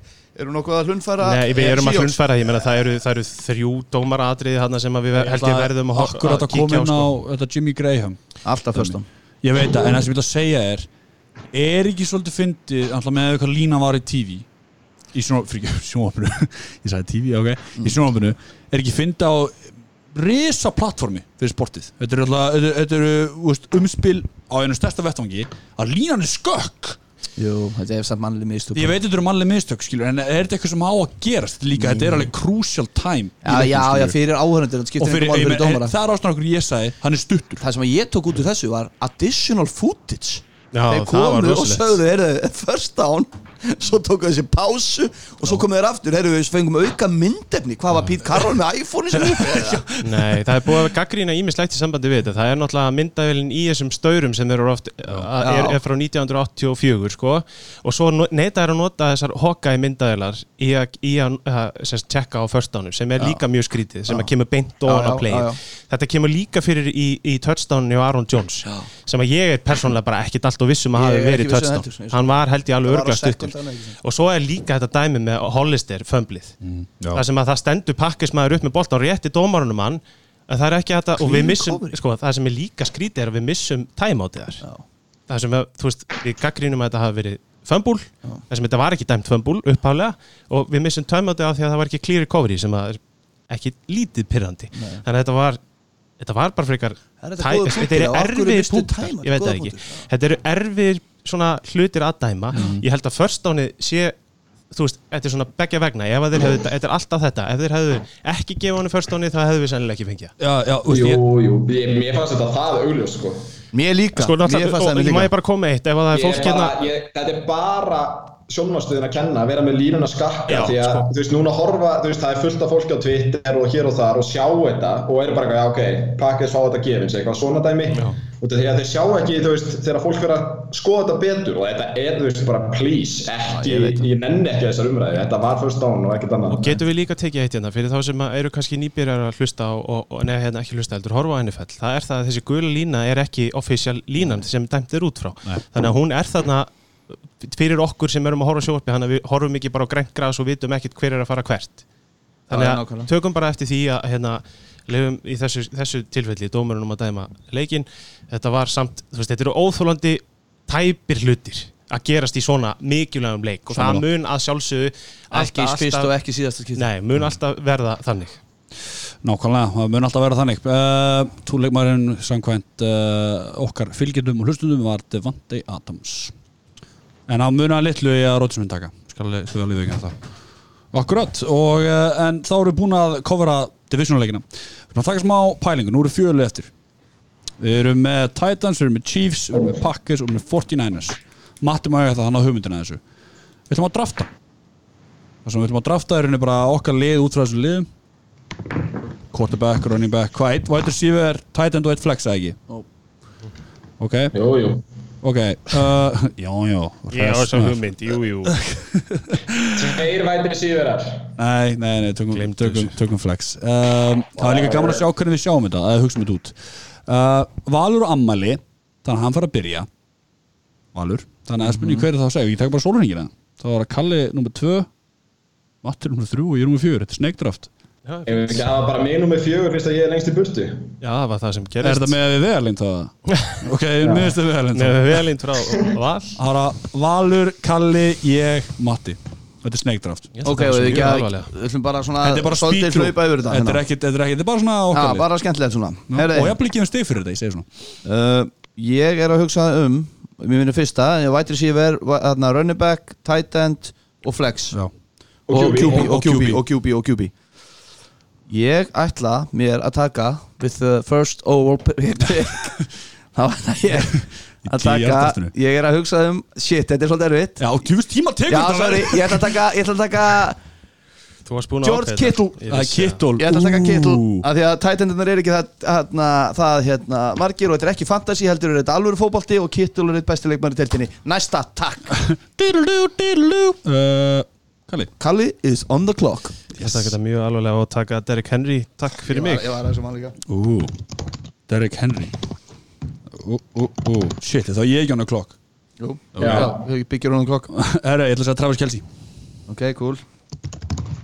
Þetta hamra á Hvað, Þetta hamra á það að horfa á nördus í rót?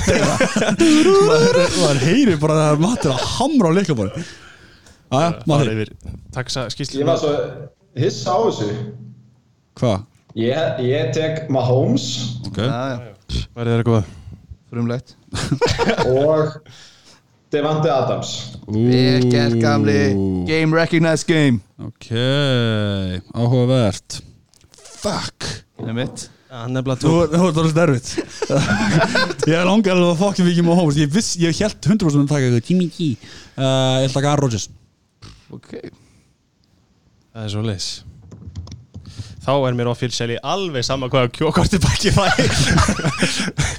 Gæti ekki verið meira sama. Þannig Þú að veist að Matt Moore er ennþá blæðinu sko. mm, Matt Moore. Mý maður, sé þetta er Eh, Þetta er svolítið erfitt sko. Ég er að hugsa um að þakka kærlega fyrir Tyreek Hill. Ú, ok, skemmtilegt. Ok, ég ætla þá að, Er ég þá ekki með tvö? Jú. Ég ætla að taka Aaron Jones. Anskotin maður, ok. Ok, ég er náttúrulega alveg búin að týna þessum maður. Ég ætla að taka Aaron Jones Og svo ætla ég að taka Býtu við, þá er ég komið með Þá er ég komið með tight end og, og- running back Mhm.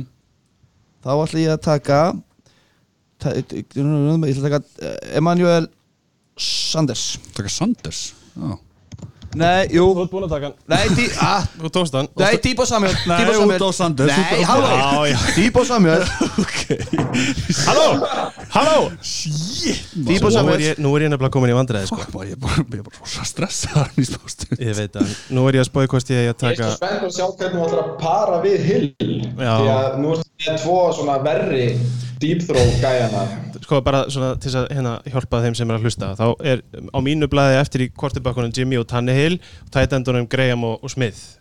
Og þar er miklu meiri munur Annars vantar mig flex. Ég gæti líka bara tekið besta flex gæðan sko. Ok, sem er erfitt. Þú náðu þetta með hann á Nei, borð það er ekki droslega erfitt sko. Ok, á borðinu ertu náttúrulega með sko Sanders út með Watkins og Hartmann. Líka með AJ að Brown. Ég ætla að segja þér það að Ég er uh, með Temin Coleman hérna. Og breyta. Alla með því í huga. Mostert. Já, ætla að taka Colonel Master Það væri, ro það, það væri rosalega þægilegt að geta bara draftað San Francisco running back stöðuna. Já, Já, við búum ekki í utópíu Nú, Þú ég verður að velja. ég var að vona að þú væri að fara að gefa mér þetta. Já, maður taka uh, alla þrjá. Herru, ég ætla að taka Jöfullinn. Tími. Ég ætla að taka AJ Brown. Hann djöfisins Fuck, það rústar mér maður. Já, já, ok, það kom mér.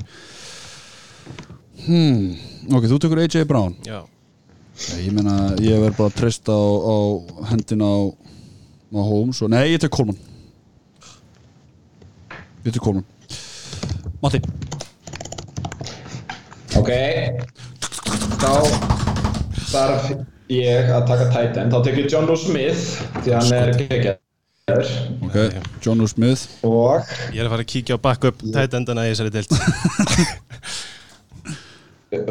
uh, Tökum Býtu, ég er með Mahomes, Devante Adams, John Smith. Já, þá tökum við náttúrulega Damian Williams bara. Damian Williams Ok, Það er draslið ok. Ekki LeSean McCoy? Herru, Býtu, var hann, aktiv? uh, Hann er allavega að spila fyrir Chiefs Þannig að ég myndi taka hann fyrir ykkar já. Uh, Herru, ég tek uh, Manuel Sanders. Já, gott. Fyrst af alveg tók Debut Mér sýnist á öllu að LeSean McCoy sé bara healthy scratch Ég held það líka Gæmi líka. Damian Williams. Ok, þá er uh, Kalli on the clock. Hann er með Derek Henry, Tyreek Hill, AJ Brown. Uh, Þú er með flex stöðu og quarterback. Uh, Búið með flex. Ég á tight end og quarterback eftir Og það er bara flexa einn tight end eftir Þannig að ég læt það eiga sig Og tek Jimmy G að ræða hann Auðvöldast í heimi. Hver á eftir að taka hérna? Ég. Þú átt eftir? Já, ég ætla að skilja eftir með Jimmy G. Ég ætla að taka Tannehill, takk fyrir mig. Ú, Á ég þá tvo Ég er með Henry og Tannehill Í ferskasta út liðinu með combo Á ég, tvo núna Ég sjálfsögðu my man Jimmy G? Býtu, er þá Valur með Kittul, Debo og Jimmy í besta liði NFL sem er eftir? Yeah boy. Og í flexinu tek ég Sammy Watkins. Já, það er áhugavert. Ekki samt svo Mér finnst það, leiði mér bara að finnast það áhugavert okay? Sorry, já, fyrir ekki. Og deitt uh, að síðasta byggið Nei, ég er búinn. Já, já, Já, þú er alveg búinn, alveg uh, búinn og Er ykkur, hver er hérna backup tight endin hjá Frisco? hver er annar þetta? Na, Dwelly Dolly um, Jimmy Graham, halló. Túli leikmaður vi- öðna vikunum síðast uh, Shit hvað ég sitt eftir með sártennið. Ég átt að taka John Smith á hann. Kondu hérna, Jimmy Graham. Já, já, já, já uh, Hann náði í helviti góð First down fyrir Hann borgaði helviti samningi sinu upp. Ef við, ef við verðum súbumestar, þá borgaði hann upp. 20 miljón first down Jimmy Graham. Herru, þá ég er með Travis Kelce, Aaron Rodgers uh, Tevin Coleman og Emil Sanders Ég er með uh, Ég held ég taki. Ú, ég er að vera með til Lazard eða Corey Davis. Þú getur tekið með Cole Hartman eða? Ég er búið að taka Hartman. Ha? Það er ekki bara að taka Ég er ekki að taka Harman sko. Hann er bara kickritörnur Nei, pantritörnur fyrir sig. Deep, deep threat Frika Corey Davis. En samt með hvernig stallinu á Ryan Tanner er það takkstókar, ég tek Harman Ég tek Hardman Yeah boy. Þannig að já. Matti, klára það, hvað er þú með? Já, ég ætla að taka Hartmann, ég bjóst ekki að þið myndu fatta að taka hann. Lawyer. Eina ástæði fyrir að en svo tekin er að ég er það með blað með mér Ég tek Ken Kendrick Bourne. Hvernig tekur ekki Jamal Williams, minn mann?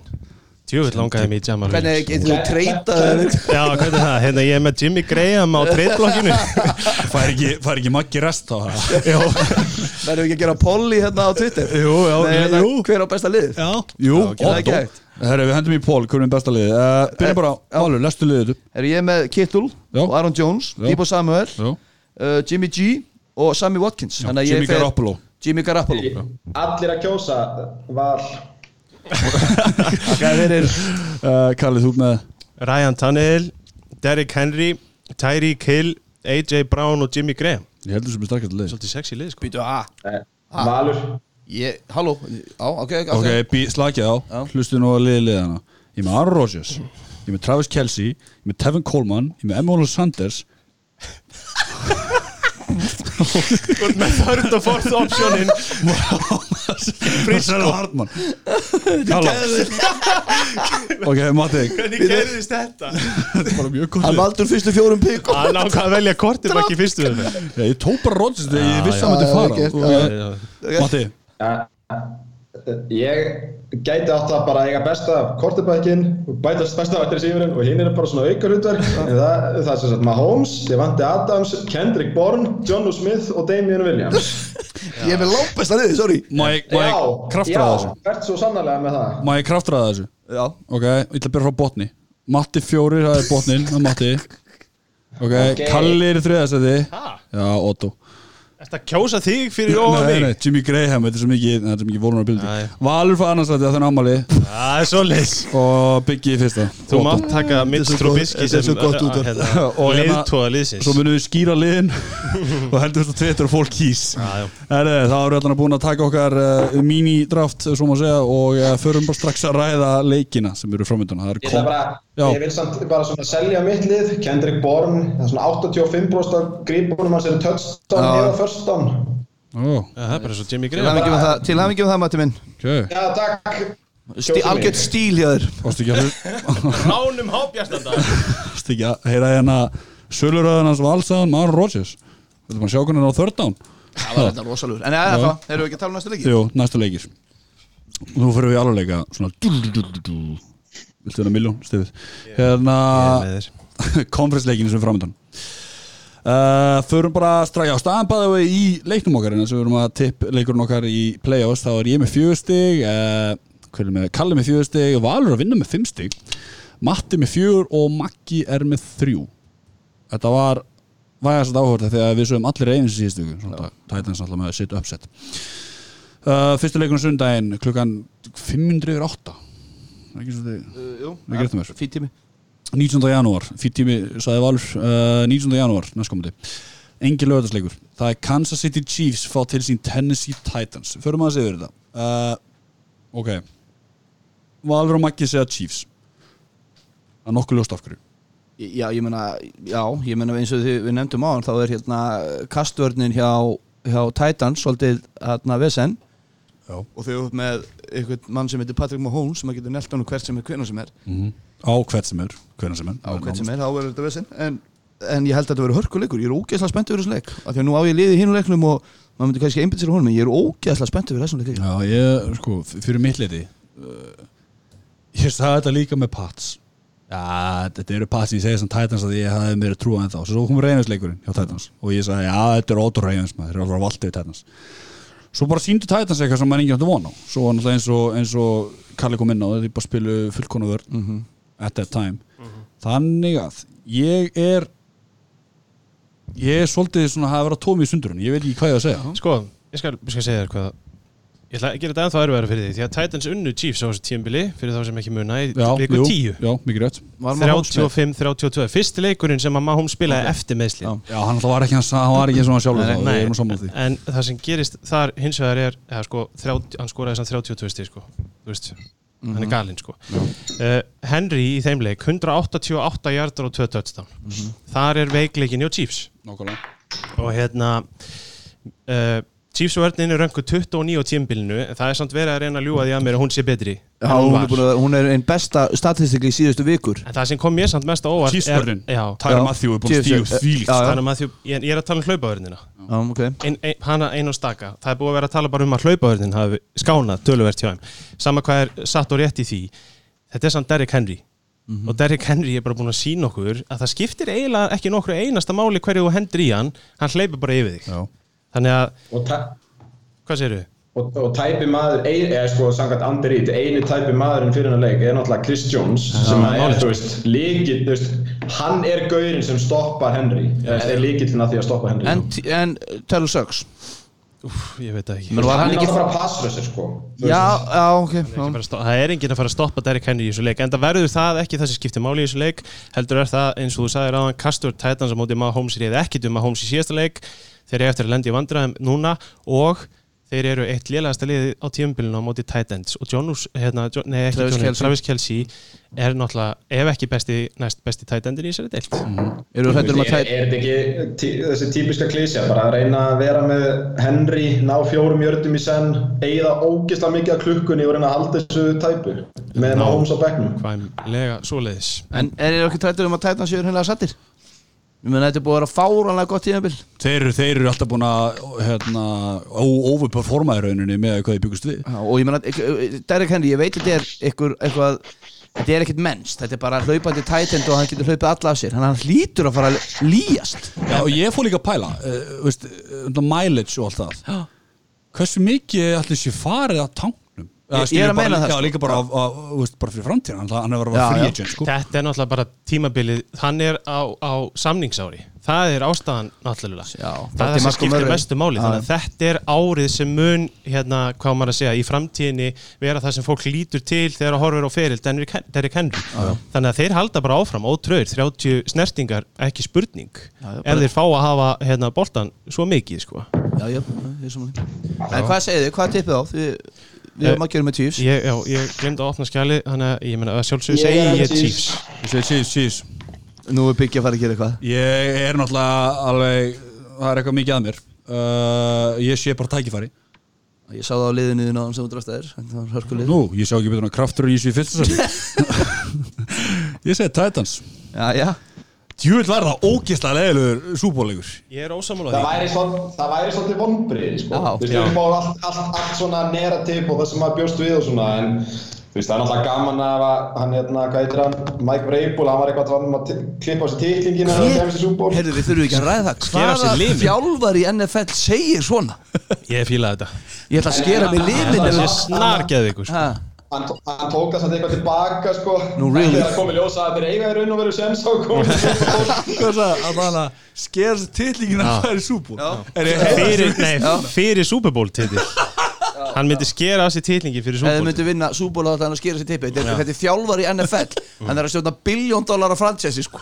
geggja En bara líka eitt punktur bara að því að ég ætla að fara aftur inn í það sem ég sagði á hann Við höfum séð Titan standi Chiefs. Það er það sem að mér finnst svo geggjað ég, ég, þetta- ég Það mun koma mér á óvart til Titans vinnurinn að leik. Á Bara miða Arrowhead, við það sem ég sá. Það var- Á já. Nei, erst að minna leikurinn í, í vetur? Já. Nei, Hann var í Tennessee. Já, Ok. það munur líka Maður er, alltaf til í öskubuskuna, sant? að sjálfsögðu, það er alltaf skemmtilegt. Og málega er ég held líka liðin sem er í hinum skýtur upp á baki í úslataleg sem allir eru að liðin í hinum brakketinum þetta er ekki, Það þetta ekki eins og þegar að sum náttúrulega gerist ekki ofta að fara und, svona mikill underdog í, í hérna, Super Bowl en þetta er samt ekki þannig lið eða skiljið mig, liðin í hinum brakketinum 49ers og Packers er ekki eins og, eins og Tennessee er að spila ekki það mikið betri að þetta verði ömulugu Super Bowl nei, ef nei, Titans nei. fyrir okkar, skiljið Hefur ekki að fara í þann leik? Jú, við Hvað, ætlum að hver, bara ég ætla að tjekka á stuðlana á þessum leik, þú veist, Já. tæ, uh, Chiefs eru 7,5 stiga favorite, þú veist, þeir eru ekki meira en það, bara, þú veist, Það er sama á ég- Niners. kannski- Chiefs voru til dæmis 10,5 stiga favorite yfir Titans,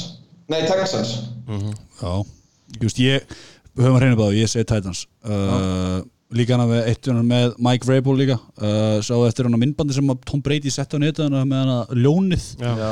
Lions. Ég nefndi ekki að um ha, ég nefndi ekki að horfa á það. Ekki, ég- ég hveti til að horfa það og lestu svo á það sem Mike Vrabel og hafa sagt við liðið það getur verið einan í það. Það var að tala um eitthvað að hérna þegar að meðan ljónið er svona þreytt og lúið og eitthvað þá koma híenunar og og sagan segir að Mike Vrabel að fara inn í klefa They want the hyenas They're gonna get the fucking hyenas Það er Fucking sturlaðu nági Já, ég held það er mér Þessna, já, ég, ég, jú, ég ætla að Hann er segja að fara að skera á sér börnin, ég er að segja ykkur það. I'm gonna cut my penis off of it Ég ætla að segja, ekki til að segja Vrabel uh, uh, talandi um rugglaða headcoacha, hafið þið tekið eftir gæðin sem er að stjórna LSU, Ed. Orgen, sem að ta, sko, er eitthvað, er geggjuð. En, en hann var sem sagt, hann kom þarna í, í hvort það var príki með hálfleika eða eitthvað í viðtal og var með skurð, eða svona lítil skurð á henninu, þá var þetta hann kildi sjálfan sig í pregame speech.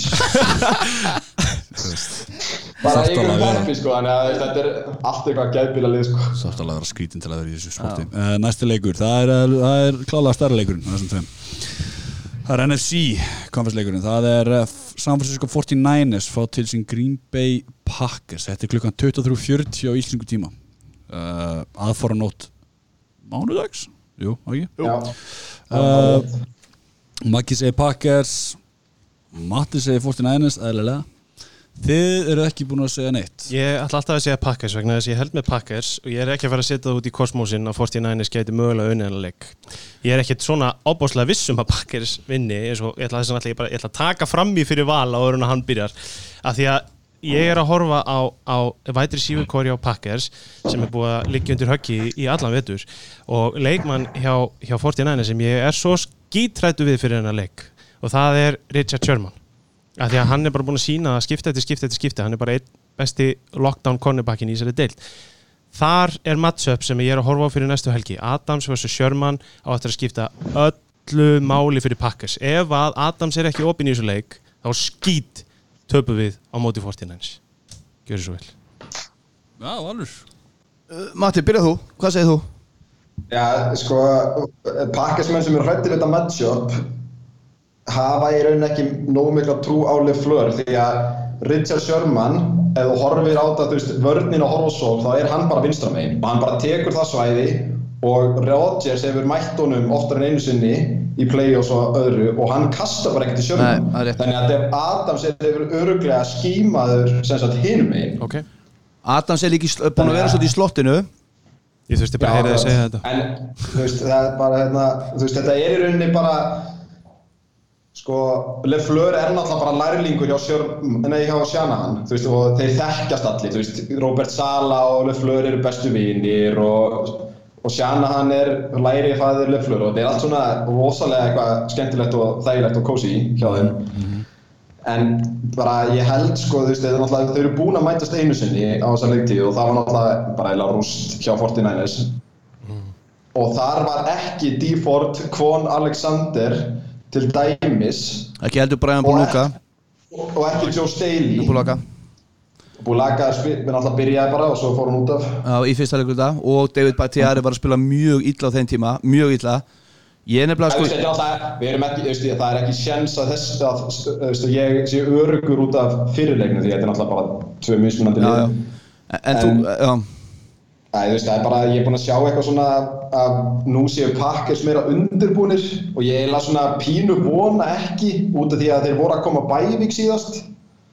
Þú veist, það væri eitthvað skrítið að vera að spila á sunnudegi og vera betur undirbúnir. Bævika er samt ofmetin finnst mér. Mér finnst Bævika ofmetin en, en það er hann mál. Ég held mér þess að statt bakkið upp. Ég þóri ekki að fullera það hans það er En líka hlaupaleikur í 49ers sem að Sko- Packers þarf að hafa ágjur af. það sem að hræði mig við þennan leik er að sama og hræði mig fyrir FXC ósleikin það Ég- er er bara nokkuð sjór á því að pakka svinni Eða So sorry, ég bara sko, ég horfði á pakka sem daginn og, og það má ekki glemma því líka sko að Jimmy G hefur enga reynslu úr playoffs. Þetta er þver öfugt við matchupi á móti Seahawks. Það sem að Seahawks er ekki með hlaupaleik Já. en ábúslega sterkan kastleik. Á meðan núna mæturu 49 sem eru með fínan kastleik. Ég er ekki að gera Já, neitt aði í Jimmy Já. G en þeir eru bara með þrjá hlaupara sem eru á svipuðu plani þó að Coleman sé þeirra ás í ermi.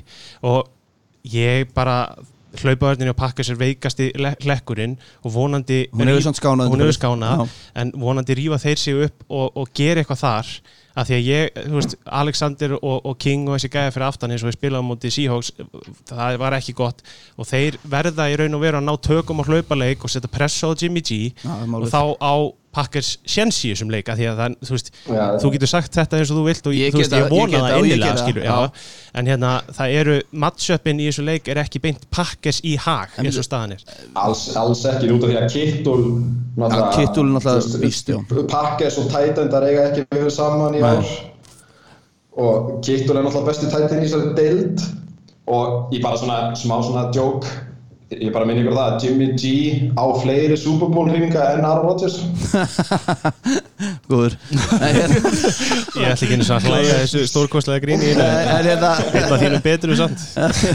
En hérna, nei sko, punkturinn minn er sá að ég held nefnilega að pakka sér á underdog. Það er, það er öll pressan á Niners. Í, í 49ers, já. í 49ers Green Bay Packers, þessu 49ers liði það er öll pressan á Niners, þeir eru 7 points favorites og 7 point favor er rosalega mikið í undanúslutu fyrir súból eða úslutum NFC Já, við horfum líka á hérna, hor, horfum á þá í raun og veru taka Vikings svipað og Packers tók á Vikings fyrir ekkert allt svo löngu síðan.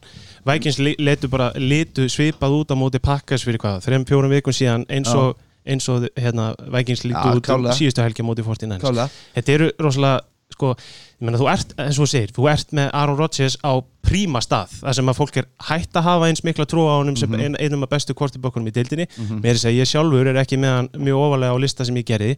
Þannig að ef að hann rýfur sig upp eins og hann hefur sagt sjálfur, hann er búin að vera að beina gaggrinni svolítið að sjálfur sér sem er mikilvægt. Og svo erum við með við erum með þrjá mjög sterka leikmenn. Aaron Jones er geggjaður running back, þú sér það 21 touchdown á tímbilinu er gjössanlega galið. Já, já. og svo ertu með Devontae Adams og vonandi verður hann eins og hann hérna, Matti segir bara hinum einn á vellinum allan leikin og, og þá verður Adams með, vonandi með 200 hjarta Já, en sko, ég er samt ekki alveg, samt ekki alveg samanlega matta því ég gæti vel trúa að þessi leikur yfir algjört bust hjá Nænes þú veist, það kæmur ekkert mjög, mjög óvart en ástæðan fyrir því ég held að Pakkas vinna og ég ætla að teipa Pakkas er að því að það hefur hafa svo fáið trúa þeim og þeir eru underdogs og það verður pressa á Seahawks og Shanahan. Veist, það, það er pressa á Shanahan og hérna, ég bara einhvern veginn og þetta er algjört gött feeling og ef að hérna, ef að Nænes vinna þá vonu innilega að vera súbóla, þetta er ógeðslega skemmtilegt og ég ber mikla vinningu fyrir þessu Nænesli þannig að það sé á hreinu, en ég er með gött feeling og meira sætti að segja að Pakkis vinna þetta með tíu þetta verður two possession leikur. Ég heyri það hérna fyrst hérna í tíu jörgum það verður gaman að alveg hérna, setja peppa? tölur á hana leik. Setja tölur á Það báðleikin Mér finnst alveg pínu á- svona bara áhugavert að þú veist Chiefs séu 7,5 stiga favorit. Já. 49ers eru 7 þú veist ég bjóst við að það eru ekki svona close. Þetta er Titans og Packers sko. Já, þeir eru samt settir á, á hérna, þetta er sama lína og á Vikings það var líka sjö held ég á, á milli 49ers Já, já, og Vikings. 49ers, já. þeir eru bara var á sama stað sem er fyrir mér gjörsanlega út úr kortinu. En þeir eru náttúrulega bara, það er alltaf þessi blowout chance, bæði með Chiefs og 49ers þú veist, það er eins og við sáum síðustu Já, veginn 49ers eru bara healthy sko, þú veist, ég var að lesa eitthvað stats og núna eru, þú veist, núna eru komni tilbaka Ford, Alexander uh, og Tart. Og án þeirra þá voru þeir að gefa sko 26 stig í leik og næstu í 400 hjarta með þeim 11 stig og rúmlega 200 hjarta þetta er erum að tala um sko 15 stig og 100 hjarta það er líka annað sem er er svona fyrir þá sem að fíla að kafa djúft það er það að Pakkes er líka mjög hérna, þetta eru tvö mjög held í lið á þessum tímabúti Pakkes búin að vera hefnir allt tímabili. Það er líka annað, það er það að Pakkes er búin að sækja tvo leikmenn og fá tight end tilbaka af IR sem hafa bara skipt á töluvöru máli. Annars vegar pöndriðtörnir sem heitir Irving eða eitthvað Já, Irving, já. og hvort það er sóknarlínumæður sem er búin að skila er Spila og og man ég nú ekki hvað hann heitir blessaður hérna IR tætendin. En það pakka sér búin Sternberger. Sternberger, já, Já, já, sem við dröftuðum núna. Já. ok, já. hann, hann hefur ekkert spilað á nei. og þetta er skiptir rosa miklu máli fyrir pakkas því að það var ekkert rosalega mikil dýft í þessum stöðum. Í sóknælínunni Mm. annars vegar í pöndriðtörnu var náttúrulega bara eins og þú hefur bent á mínus 8 hjartar eftir einhverja 12 fyrir sem Já, er djók, hann er búin að gjörsanlega og Örvin breyta er að þeim koma leik. inn í skímið. Er breyta og svo náttúrulega auka tætend þar sem við erum með dýrasta hérna, söðnaut Eitt, áratugarins. eitt annað hérna með Jared Veldýr sem er gammalt, hann var bara hættur. Og Rodgers nefnir við hann í einhverju leiklimi það var svolítið áhugavert, í leiklimi núna í síðasta leika mútið Seahawks, það er bara timeout TV timeout eða eitthvað, þá er Rodgers bara að spjalla við hann, hvað segir þú, þú er bara hérna að byrja inn á bara í playoff-leik og hann sagði, já Rodgers veistu, ég var upp í áhverjandastúku í fyrsta leika mútið Bears. Þannig að í fyrsta leik á tímabúlinu þá keifti hann sig inn á Lambo Field til að horfa leikin og hann spilaði allan leikin í playoffs. Mm. tvent áhvert, í fyrsta leika kemur hann áhverjandi inn og í öðru lagi að þeir eru bara að spjalla í leikli Segðu segðu hlustanda hvað veldir er hvað segir þau? Hver er þetta? Þetta er sem sagt offensive lineman sem að var hjá uh, var hann ekki hjá Raiders draftaði þar? Uh, ég man ekki hvað hann draftaður hann er mjög gaman Offensive lineman sem var basically hættur að spila þar já, hættur að spila, já, fyrir ekki og Brian Pulaka var veikur. Pæliði því, hann vaknar á sunnudegi veikur og spilar ekki. Best, einn af tveimur bestu offensive lineman okkar. Ok. Skilaði góðu verki. Já, Uh, ég ætla ætla að að byggja með það æfi okkur upp hjá Jared Nei, alls ekki, bara segðu mér. kaldan svít Ég segðu mig valur en hann var draftaður ókvæmt, það var rétt yfir Nei, ég vildi bara að svo hlustum við vita hvað var að tala Ég ætla að segja 49ers að ég sá hvað þessi sóknar, nei, varnlina gerði. Mm. Sóknarlina hjá Vikings. Það er, ég, ég veit alveg að pakkast sóknarlina er betri. Hún er og- allt öðru leveli, sko. Klálega, en samt sem áður Nick Bosa, D. Ford Armstead, Buckness í gæri eru öðru leveli. Geggjaðir, sko. En ég meina, ég get- ég Walker og Já, er búin að vara viku til að vera heill. En maður getur alveg svarað þessu með Kenny Clark, með Smith bræðrunum þú veist, Aaron Rodgers, Devontae Adams. Þetta er bara geðveikt Eh, Ég ætla að vona að við fáum leik Sko, 100% og svo bara vinna. En þú veist, bara er eins hlutlust og ég reyna að tala um þetta ef að bæði lið eiga sinn mögulega besta leik Mhm. þá eru Fortin ennst að fara að vinna Já, ég veit það, en, en ástæðan fyrir mínum spátum er svo Já, nei, að þú er ég- með Aaron Rodgers ég- annars vegar og Jimmy Garoppolo hins vegar, hins vegar í þessum leik þá finnst mér líklega að Aaron Rodgers verði betri en Jimmy G. Skilur þú hvað ég meina? Ég, ég er alveg sammálaðið Matti. Ef bæði lið spila á topp, topp, topp þá er nænast með betra lið. En ég held bara undir þessum kringustæðum að þá munum við sjá the Rodgers we know. Er það Ok. bara svona smá svona út út úr hvað haldið þið að meðal uh, miði kostar, þú veist, kostar að meðatali á þennan leik. 375 dólara Ég- Var ekki eitthvað þannig? Svona 600 Nei, nei. Kalli, Levi's Field. Ég- mér veist, pff, 475 778 What? Meðal? K.O. Akkur ég las eitthvað 375 já, Það ég, 100 og, 100 já, nei, sko, ó, ódýrasti miðin var að seljast á 475 já, ok, já og, og, og þú veist, ef við horfum bara á Titans Chiefs meðan við er að fara á rúmlega 500 þú veist, það meina 280 næstu í dollurum á miðan. Þetta eru franchise, Packers, Niners. Það vissist leiki verið þetta maður. Ah, Þetta verður góða leikir. Uh, Herra, ég er saman sem Kalli sagðan Settum tölur á það. Má ég koma með eitt punkt? Er það ekki öruglega rétt hjá mér að uh, Kansas City Chiefs á móti Green Bay Packers hafi verið fyrst í Superbowlin? Ég má nú segja þetta nokkur sinnum. Haldið að Goddell sé, eins og ég segi að Goddell er núna að fixa eitthvað upp. Haldið þessi first down og þessi touchdown séu bara tilviljun? eða? Fundraðasta tímabili Fyrsti, fyrsti súbúr Ó, stakar oh, Godel Herru, Chiefs vinna Tennessee 30 og 4 24 og Packers vinna Frisco uh, 24 14 24-14 Þú stendur við tíu eh, Skemmtilega hvað stendur við tíu stíðin sem við talaðum um Kalli. Bara svona til að halda því. Uh, ég ætla bara að go all out hérna. Chiefs uh, 40 og 7 Ok. Titans 20 og 1 Þannig að vera með rétt svona á flugöldum Þessi við verðum akkurat nóga flugöldum Ég held að Mahomes viti það fyrir leik en mátti ekki skora meir en X Já, mörk. tekið að fundi bara 50, 47 Þeir að sparka fílgól eitthvað sem er í Já. fjóra leikluta. Uh, Matti? Já, með Packers eftir, sorry. Já, fyrir Packers 49ers Já, Ég held að við drullumst yfir 30 stiða múrin sem hefur ekki gæst nú oft. Það verður 32 31 fyrir Packers Matti. Jesus Christ. Nei, 32 30 af því að þeir þurfa 2 point í lokin og klúra Allar ekki á neina spennu? Okay. Er það ekki spenna? Ég var að djóka. Hvað not hvað- entertaining. Hvaða lifi Þú veist Já, hverju Hvað, hvað aðstæðum er í hérna? Við þykir rosa vandum ykkur. Uh, Matti. Geða mér uh, Chiefs vinna 31-24 Ok og ég ekki bara segja að Fortin Niners vinni 24 13 Í leðilegast að leik tímabilis Takk fyrir það. 4-13 Áhugavert. Uh, Kom inn á það Ég sagði 49ers bæða uh, eins og ég sagði hann Kansas City múti Tennessee. Já, ég ætla að segja 31 Nei, 34 Það verður fílgóluna Kansas City 34 á móti 17 Tennessee. Sæður ekki að Titans myndi vinna Nei. Jú, jú, jú, jú, ég sagði það svona Ég sagði maður endur sko að það er spál Ís maður. Vá, vá hvað ég fóð gegn mér einn spál sko. Ég ætlaði að segja alltaf stundið þess að tæta skori 40 stík Bara Derrick Henry. Endilega bettið og allt sem við nú segja Þetta er mikilvægt Herru, ok, ég ætla að segja þá Fyrir geðu Ég ætla að segja Ég ætla að segja 20 og 21 Þú ætla bara að segja 20 Nei, þrjú tvörstán 2000, já, já, já. Á Chiefs þá að Nei, hjá Tennessee. Okay. Skilur Já, ekki uh, Hvað okkur upp? Heldur þú að Chiefs okay. á móti þessari kastverð 21-20 21-20 Já. Má Holmes klúrar hérna- Það verður Það verður hérna Conventional pointi Það sparkar Já, má Holmes klúrar ekstra pointi Það gerst þér að hérna þeir klúra Þeir klúra fylgjól og Mike Vrabel skerst þér titlingin í fokkin langt tíu Það verður að vinna súból En hérna, já.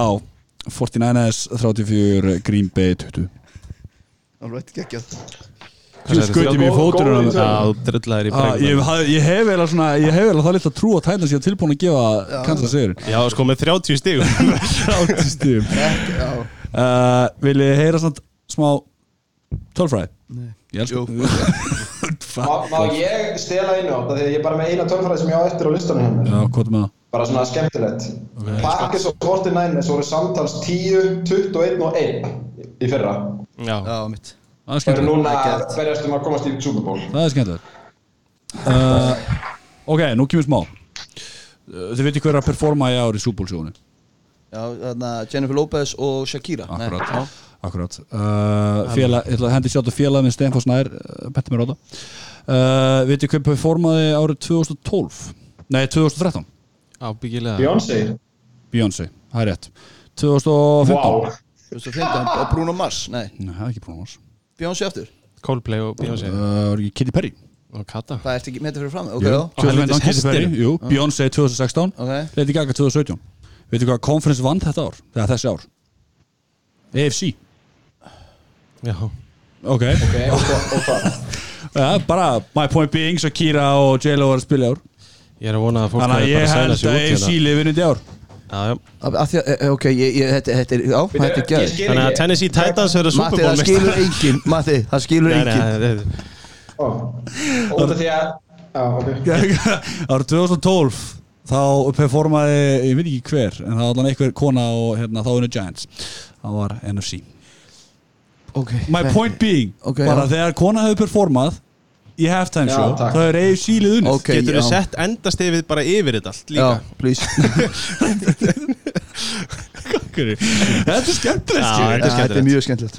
Já, en það skemmtilegt, ég fór í er daginn, ég búið að finna borðið sem topa Heyrðu, já, ertu komið borðið? Ég, fó- ég, fór, í- ég fór í hérna, hvað sé, reconnaissance ferð og skoðaði borðin Við spurðum þessar starfsmann Sko það var hvað var í þetta. Ok, Hvort það var eitthvað farið í þetta? Af, af hverju varst það því? Varstu Fyrir þá eitthvað sem vita í ekki. Ha, okkur er að spyrja starfsmann hvað það var í þetta? Nei, nei, okkur varst að leita þér að borðið fyrir þá sem vitað ekki? Já, uh, að því fyrir, hvað, í leikvíku, hvað, nýju, tíu. eitthvað. Þá sagði ég að ef að Buffalo Bills myndu komast í playoffs þá myndi ég hoppa í gegnum borð eins og Bills maður fyrir stundar. Ég þarf að gera það og eins og konum mín orðaði það, ég mun ekki vorkina þér ef þú brýtur eitthvað. Ég er fann að halda að ég muni brjóta eitthvað. Ég er bara svo stressaður. Borðið Tvíburðarnir verða bara sennilega komnir í hendur annars manns. Þú, þú verður svona svipa góður að lappa á þeir þegar þeir fá það. Þannig að ég er búin að finna borð í Costco sem ég ætla að vesla mér og hoppa í gegn. Þú voru að uh, hoppa af pallnum á bílnu þínu, þú veist það. uh, Ég þarf að hoppa alveg úr hæð sko. Já, já Við þurfum að finna einhvern stað bara til að gera þetta. Ég, já, já, ég er að fara að taka mig frýta í þetta og, og í þokkabót, ég meina, ef við að stofna Carolina Fund til þess að funda þetta? Hvað kostar? Þetta er ekki 600 Nei, 6.000 kall 609 skall við verðum að gera það. Byggja rattumlaus. Endum að þessu. Ég er ekki atvinnulegs uh, Ég er flugkennari. Ég er flugkall. Uh, an, Annars bara þá ætla, Já, benda líka eitt, við ætlum að hafa Við erum að undirbúa uppgjöfstættin okkar. Þannig að við ætlum að fá eiginlega frá hverjum einum einasta einstakling sem heldur með uh, frá öllum 35 liðunum. Þannig að senda okkur á Twitter, Facebook eða Instagram eða hvað sem er bara hvað þú vilt að liðið þitt gerir betur og hvað sáttum að liðið þitt gerir í ár. Henda bara í tvitt Hafa þetta bara live. Já, ég bara á Twitter. Það er ekki bara. Já, ekki. Jú, Og við erum helst fá öll 32 liðin. Eitthvað frá einhverjum einum fan Ef við svo bara veljum við skiljum Hvað okkur hendur Já, flott. Þannig Hvaða að- lið er samt líklegast til að eiga ekki íslenskan aðdánda? Þau eru nokkur ábyggja Já. Nei, og þú? Chargers. Nei, ég veit um eitt sem heldur Chargers. Já, ég líka. Bengals? Nei, ég veit um eitt sem heldur Bengals. Inn á NFL Disney, veit ég hvað heitir. Inn, Hann heldur um Bengals. Já, ok. Já, kannski En það er enda actually Tennessee Tennessee. Ekki kannski núna lengur. þeir eru reynda lúmskir. Ég held að, ég veit, ég veit alltaf ekki um neitt sem heldur Nei, með Ég hef ekki hérst um eitt sem heldur um Tennessee Titans. Jú, það er einn á NFL Disney Hann var, hann var mjög glaður eftir að Ravens Já, hérna. ok. Já, vonandi er að hlustandi og sendur okkur því að enginn annar gerir það. Já, akkurat. Uh, Strákar, takk uh, kjallaði fyrir að taka þátt í þessu umræðina sem að var drullaðið mig sem ég vil hafa Njóttu. Takk. Uh, Hvötum ykkur á sjálfsveit að senda á val ammæliskveðu Nei. Hann elskar ammæliskveður Hashtag Valur 38 Já, og eina allt Valur Gunnars á Twitter. Uh, Annars bara tella, takk hjá að hlustaði Hvernig til að follow okkur á Twitter, Facebook, Instagram bara hvað sem er. Já, bara okkur persónulega konta, alltaf gaman. Vera með í umræðinu um helgar. Já, það líka. Hashtag Hashtag 10 10 hjartanir hjartanir. er En líka, fólk er duglegt í playoffs. Já. Það er þetta ekki- Fólk er lifandi. Dolphins, heldur við ekki með Dolphins Er það, er það Chicago Bears? Beist Jú, jú, ég, ég heiti Byrgi Þóri, 10 hjartanir, takk, takk, bless, bless